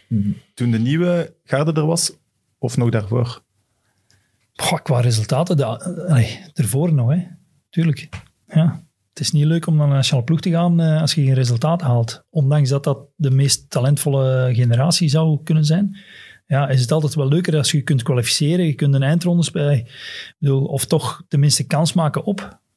Het was niet de gezelligste periode, eh, moet ik zeggen. Het is een vraag van Jules. Waren er in het begin spanningen tussen zo de nieuwe generatie en, en de oude? Ik denk niet meer dan, dan anders. Want in Eh, die nieuwe was wel een compagnie die dan zijn kravat vergaat, zijn, zijn schoenen een keer niet bij had, zo'n dingen. Je las dat wel. Zo, ze waren gewoon beter, denk ik dan. Of ze hadden een betere toekomst beter. voor zich. Tuurlijk. En dat zorgde dan niet voor wrijving, dat die zo eens keken van, ja maar, wacht maar. Ja, maar ook die jongens hebben, hebben moeten leren om in, in teamverband te denken. Dat zeker. Ze hebben ook pas de klik gemaakt. Ten eerste, eh, als je in teamverband werkt, moet je op tijd komen. Dresscode is ook belangrijk, want je zit met sponsors, et cetera, et cetera. Dus er zijn af en toe wel eens discussies geweest, maar... Ja, bedoelt jij ze met hebben- compagnie. Want dat zijn dingen die, Ja, maar- waarvan ik maar- denk dat compagnie nu naar zijn groep daar heel duidelijk in is. Ja, op tijd komen, kledij juist. Ja, je ziet dat, dat hey, jeugdigheid en je kunt die jongens dat niet verwijten, maar ook zij hebben de tijd nodig gehad om die klik te maken. In Hazard bijvoorbeeld, ja, Als je ziet hoe volwassen hij nu omgaat met een aantal dingen. En in de beginfase is, is dag en nacht verschil. Maar je moet ze ook de tijd kunnen geven. Maar die tijd heb je vaak niet, want er moeten ook resultaten gehaald worden. Er zijn nog wel een aantal dingen gebeurd waar ik van zeg van, ja jongens, dit is niet professioneel genoeg. Als je echt ambitie hebt, maar ze hebben tijd nodig gehad. En ik, ik, ik Miste dan eigenlijk een goede generatie ertussen, beetje? Ja, omdat een aantal jongens Die moesten te snel al... de dragende Ja. spelers waren er in één keer vijf, zes, zeven weg in een selectie. En van de basisploeg, ja, dat vang je zomaar niet op. En Azar en Mirallas, die waren zelfs nog minderjarig, denk ik, toen die al debuteerden. En Dus, wij, ja. waren, wij waren niet bij machten, wij waren toen ook... Minderjarig is gewoon onder 18. Ja, Evert, Maar het was toch Dus- de, de Spelen van 2008. Dan, en dan daarna verwachten we er heel veel van plots. Ja. En dan heeft het eh, nog even geduurd voor het kwam. En dat was het, die frustratie. Na, na Beijing dachten we, ja, nu gaan die mannen hier de eerste ploeg overpakken en we zijn weg. En dat kwam niet. Dat waren de moeilijke jaren. En ook elkaar Maar je hebt je er wel aan gefrustreerd, voel ik. Aan sommige Ja, maar van hun ik al in een verdere fase zat. En, en ik, jongens, ik wil echt wel resultaten. En, en ik weet hoe, hoe belangrijk een team eh, vormen is. Je kan individuele hebben, kwaliteiten, ja, beter dan andere ploegen. Maar het is nog altijd een team dat gaat winnen. Hè? 100% zeker van. Op de lange termijn gaat het team altijd betere resultaten halen dan sommige enkelingen. Ze waren te laks. 100 Dat zeg ik niet, maar de ernst van, hey, van werken was er op dat moment nog, dat was nog te speels. En mannen, ik wou dat ik die periode ook zo had, had beleefd, hè, want ik ben misschien iets te vroeg serieus eh, allee, eh, moeten worden. Maar ja, iedereen zal volwassen worden op zijn tijd. Hè, en iedereen het... Hazard, Hazard was geen schrijnwerker toen hij bij Lille speelde. Wa- Allee, dat heb ik nog nergens gelezen. Wel Sam. al vader. of voilà. ook een tweede maar job. ook hè. daar, ja, ook daar worden heel snel volwassen in. Hè. Voilà. Maar het, het spelplezier ja, bij die jongens was, was ja, super groot. En daar ben ik ook jaloers op eh, geweest. Dus ja, was de juiste weg. Ik weet het niet. Maar die keken niet neer op Timmy Simons als voetballer. ik, ik zat ook aan tafel met, met Jan Vertongen, Vermalen, met Mertens. Hey, ik bedoel, wij hebben zeer goede babbels gehad en, en we, we kwamen ook overeen. Maar dat wil nog niet zeggen dat je dan resultaten gaat halen. Dat is pas later gekomen. En je ziet, ja, eens dat dat begint te draaien, pff, is er geen stoppen aan. Hè. Ja. Was, het, was het pijnlijkste moment bij de Rode dan de, de niet-selectie voor eh, het WK in Brazilië? Eh, op zich niet. Dat is geplaatst. Dat is geplaatst. Alleen de manier of de timing ervan had misschien anders gekund. Want je zat in de voorselectie wel, Ja, en dan Ja. ook daar gaan trainen. Maar dan uiteindelijk... ja we gaan trainen niet. Ehm, Ah, oké. Ik had de tien wedstrijden, de kwalificatiewedstrijden meegemaakt. Weliswaar ook vanaf de zijlijn, eh, Mhm. bij wijze van spreken. Maar ik had het eigenlijk wel, wel zelf voelen aankomen. Ik bedoel, had ik trainer geweest, had ik misschien dezelfde beslissing genomen. Maar ik had het misschien anders gekaderd. Ze hadden nu niet meer in die voorselectie moeten steken. Ten eerste al niet. En plus de communicatie. Ik denk als je met elkaar al, al jaren werkt, hè, met Mark was het toen, dan kun je toch wel verwachten dat je elkaar ja, kunt vertrouwen. Dus had die communicatie iets vroeger gekund. Ik heb de, de persconferentie moeten afwachten, net ervoor, telefoon, maar ik kon niet oppakken, dit, dat. Dus qua communicatie had dat beter gekund. En dat is het enige wat anders had gekund. Maar, doen Maar- ze dat, maar de dat beslissing- niet omdat je dat anders misschien al lekt, als ze je de dag ervoor belt. Ja, Ik denk dat, allee, misschien dat Dan jij dat niet doet, maar dat andere Ah, ja, spelers voilà. wel naar hun bevriende journalist zouden sturen. Zeg, ik ben er niet bij. dan denk ik dat je, dat je elkaar iets anders had, eh, had moeten inschatten. Of, Ja, we kennen misschien denk ik al wel iets beter. En dat is, ja, dat is het enige. Dat die beslissing gevallen is, ik had misschien hetzelfde gedaan. Om die jonge gast mee in de kern te pakken. Ja, ik was erbij om de groep een beetje te sturen en, en door mijn ervaring. Ik had misschien dezelfde beslissing gepakt. 100% akkoord. Hm. Maar de manier waarop is misschien niet zegt, verlopen ja. Zoals het ja, had gekund. En als je in het mijn zo ogen. dat hè. er zeker een gesprek over kunnen zijn. Tuurlijk, maar, maar het gewoon even wel. Timmy, kijk, het wordt moeilijk. Ik ga je niet meepakken, jongen, maar houd het nog even stil. Ik ben iemand die kan zwijgen. Iemand die me kent of die met mij samengewerkt heeft, denk ik wel, die, die me wel kan inschatten. Ja. Ik weet zelfs niet meer met wie dat je in de weegschaal lag. De voer? De voer dan, ja. Nee, zat er sowieso de, bij. Een van de spitsen. Ah, oké. Goh. Ja, het ging dan om, om een andere positie dan ook nog. Ja. Origi. Ja, dat was de witte, de witte merel die plots meeging. Zo Ja. nog Ja, erbij klopt. gepakt. Ja. En terecht ook, hè? chapeau hè, dat je die beslissing pakt. Oké, van een jonge gast, ik heb die positie nodig. Wie ben ik om te zeggen van coach, je hebt, geen gelijk. Ik heb nogal trainers gehad die zeiden van ja, ik kies voor een ander type eh, op die positie. Ja, wie ben ik om de filosofie van een coach in vraag te stellen? Dat doe ik niet. Terechte beslissing, top. Was het dan een terechte beslissing om je twee jaar later wel nog op te roepen? Goh, dat was een goede beslissing. Hoe, is, hoe is dat gegaan? ja, de, ik weet het zelfs niet meer eh, hoe dat, dat juist gegaan is. Maar ik was wel verrast. ik Ja, ja, dat kan ik me ook voorstellen. was wel verrast. Dat is wel mooi, toch? Want daardoor zeg je de oudste rode duivel, toch? Ja, Oh, acht minuten ingevallen. Zoiets. ja het Las was ook nodig, want we hadden het moeilijk in die match. Het was maar 6-1 of zoiets. En de coach zei van, kijk, we hebben nu nog nodig. Maar je- Nee, maar ook, ook dat. Maar dat is ja, een grote record dat ik Olly niet zie breken, hè? Oudste dat wordt moeilijk. dat wordt Dat wordt heel moeilijk. moeilijk. Zelfs van deze generatie denk ik niet dat er iemand doorgaat tot zijn 41. Nee. Ik denk dat dat echt wel heel uitzonderlijk is. Nee, maar dat zijn beslissingen... Ja, dat komt op je pad en, en dat is gewoon te accepteren of dat er nu positief of negatief is. Ik kan dat wel, wel plaatsen. Hè. Maar het is toch een mooie... Dat is geweldig. Dat is geweldig. Dat zou ik Eh, ook denken. Wat ik me nog gesprekken- afvroeg van heel die carrière is, met wie heb je je truitje gewisseld in, met Brazilië in 2002? Dat was een niet. half uur geleden, hè? Ja, maar ik, ik ben Niet. de puzzel aan het samenleggen. Wie heeft Nee. dat truitje van Rivaldo, Ronaldo, Ronaldinho? Je Ja, hebt want je dat hebt er al een paar, hè? Dat moet je dan nu misschien ook zeggen. Je hebt al een paar linken Ja, we zijn, leggen. ik ben bezig met wat een zoektocht naar die truitjes, maar we hebben al eh, Roque Junior, we hebben Kaká, Nee, ik was eh, niet. Lucio, denk ik. Met niemand gewoon. Ik denk het niet. Nee, man. Dus je hebt gewoon gezegd na de match, godverdomme, we liggen eruit, salut. Ze komen mijn shirt niet vragen, dachten misschien. Ik heb dat heel weinig in mijn carrière gedaan om, om shirtjes te vragen zelf. Ja, de- onze zoektocht wordt wel heel ja, moeilijk. wordt zo. moeilijk, hè? Ja, Maar die hebben die gewoon zelf meegepakt, Ja, de die Rivaldo's. En de... dat weet, ik niet. Ja, Want- En is het op de beelden niet te zien trouwens? Eh, Ah, nee, Dat er nee, gewisseld er is blijkbaar in de tunnel nog, hebben er een paar gewisseld, maar niet allemaal. En dan zou de Braziliaanse kitmanager een paar shirts komen afgeven zijn in de kleedkamer. Dus echt al een kwartier, twintig minuten na de match. En die lagen daar dan. En dan konden Dan vrij denk ik zo'n assistent-trainer of zo, die die doos En die zo, zegt dat, dat zijn truitje er wel bij was. ja, en zo is het shirtje van Kaká bijvoorbeeld eruit getrokken, want niemand wou dat hebben, want daar stond Kaká op en dat was toen nog niet de grote voetballer. Hè. Die speelde toen nog in Brazilië. Dat is spijt achteraf, denk ik. Zo, Kaka moet ik niet hebben. Ja, maar ja, dan trekt je Roque Junior uit die doos en niet Ronaldo. Dat is toch ook raar? Dus Ja. iemand moet dat hebben. Hier is iemand aan het liegen. Ja. Ik voel weer een documentaire aankomen, Evert. Ja, en ook allee, Erik van Meijer bijvoorbeeld heeft al toegegeven dat, hij wel nog om foto, allee, dat er nog foto's zijn gemaakt in de tunnel na de match. Daar stond ik dus ook niet op.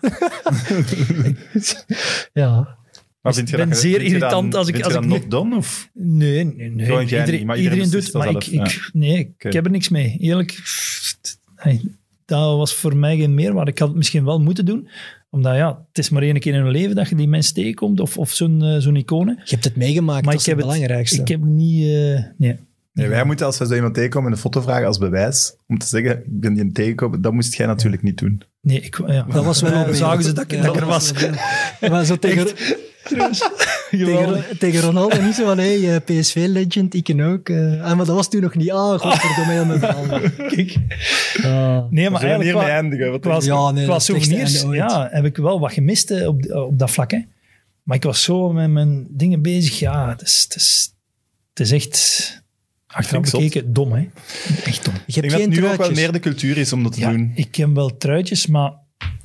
Ja, niks, eh, zo niet speciaal. specifiek bijgehouden. Zie, dat is maar eh, Gert Verheijen bijvoorbeeld, daar, daar weet ik van dat hij eh, een doos heeft weggegeven. Wesley Sonk heeft eh, alles weggegeven. ja kijk, dus en voilà. Maar, en, en, wij de niet, truitjes, allee, ik niet voetballer, denk daar anders over. en de truitjes die ik had, liggen bij mijn ouders op, op zolder, denk ik.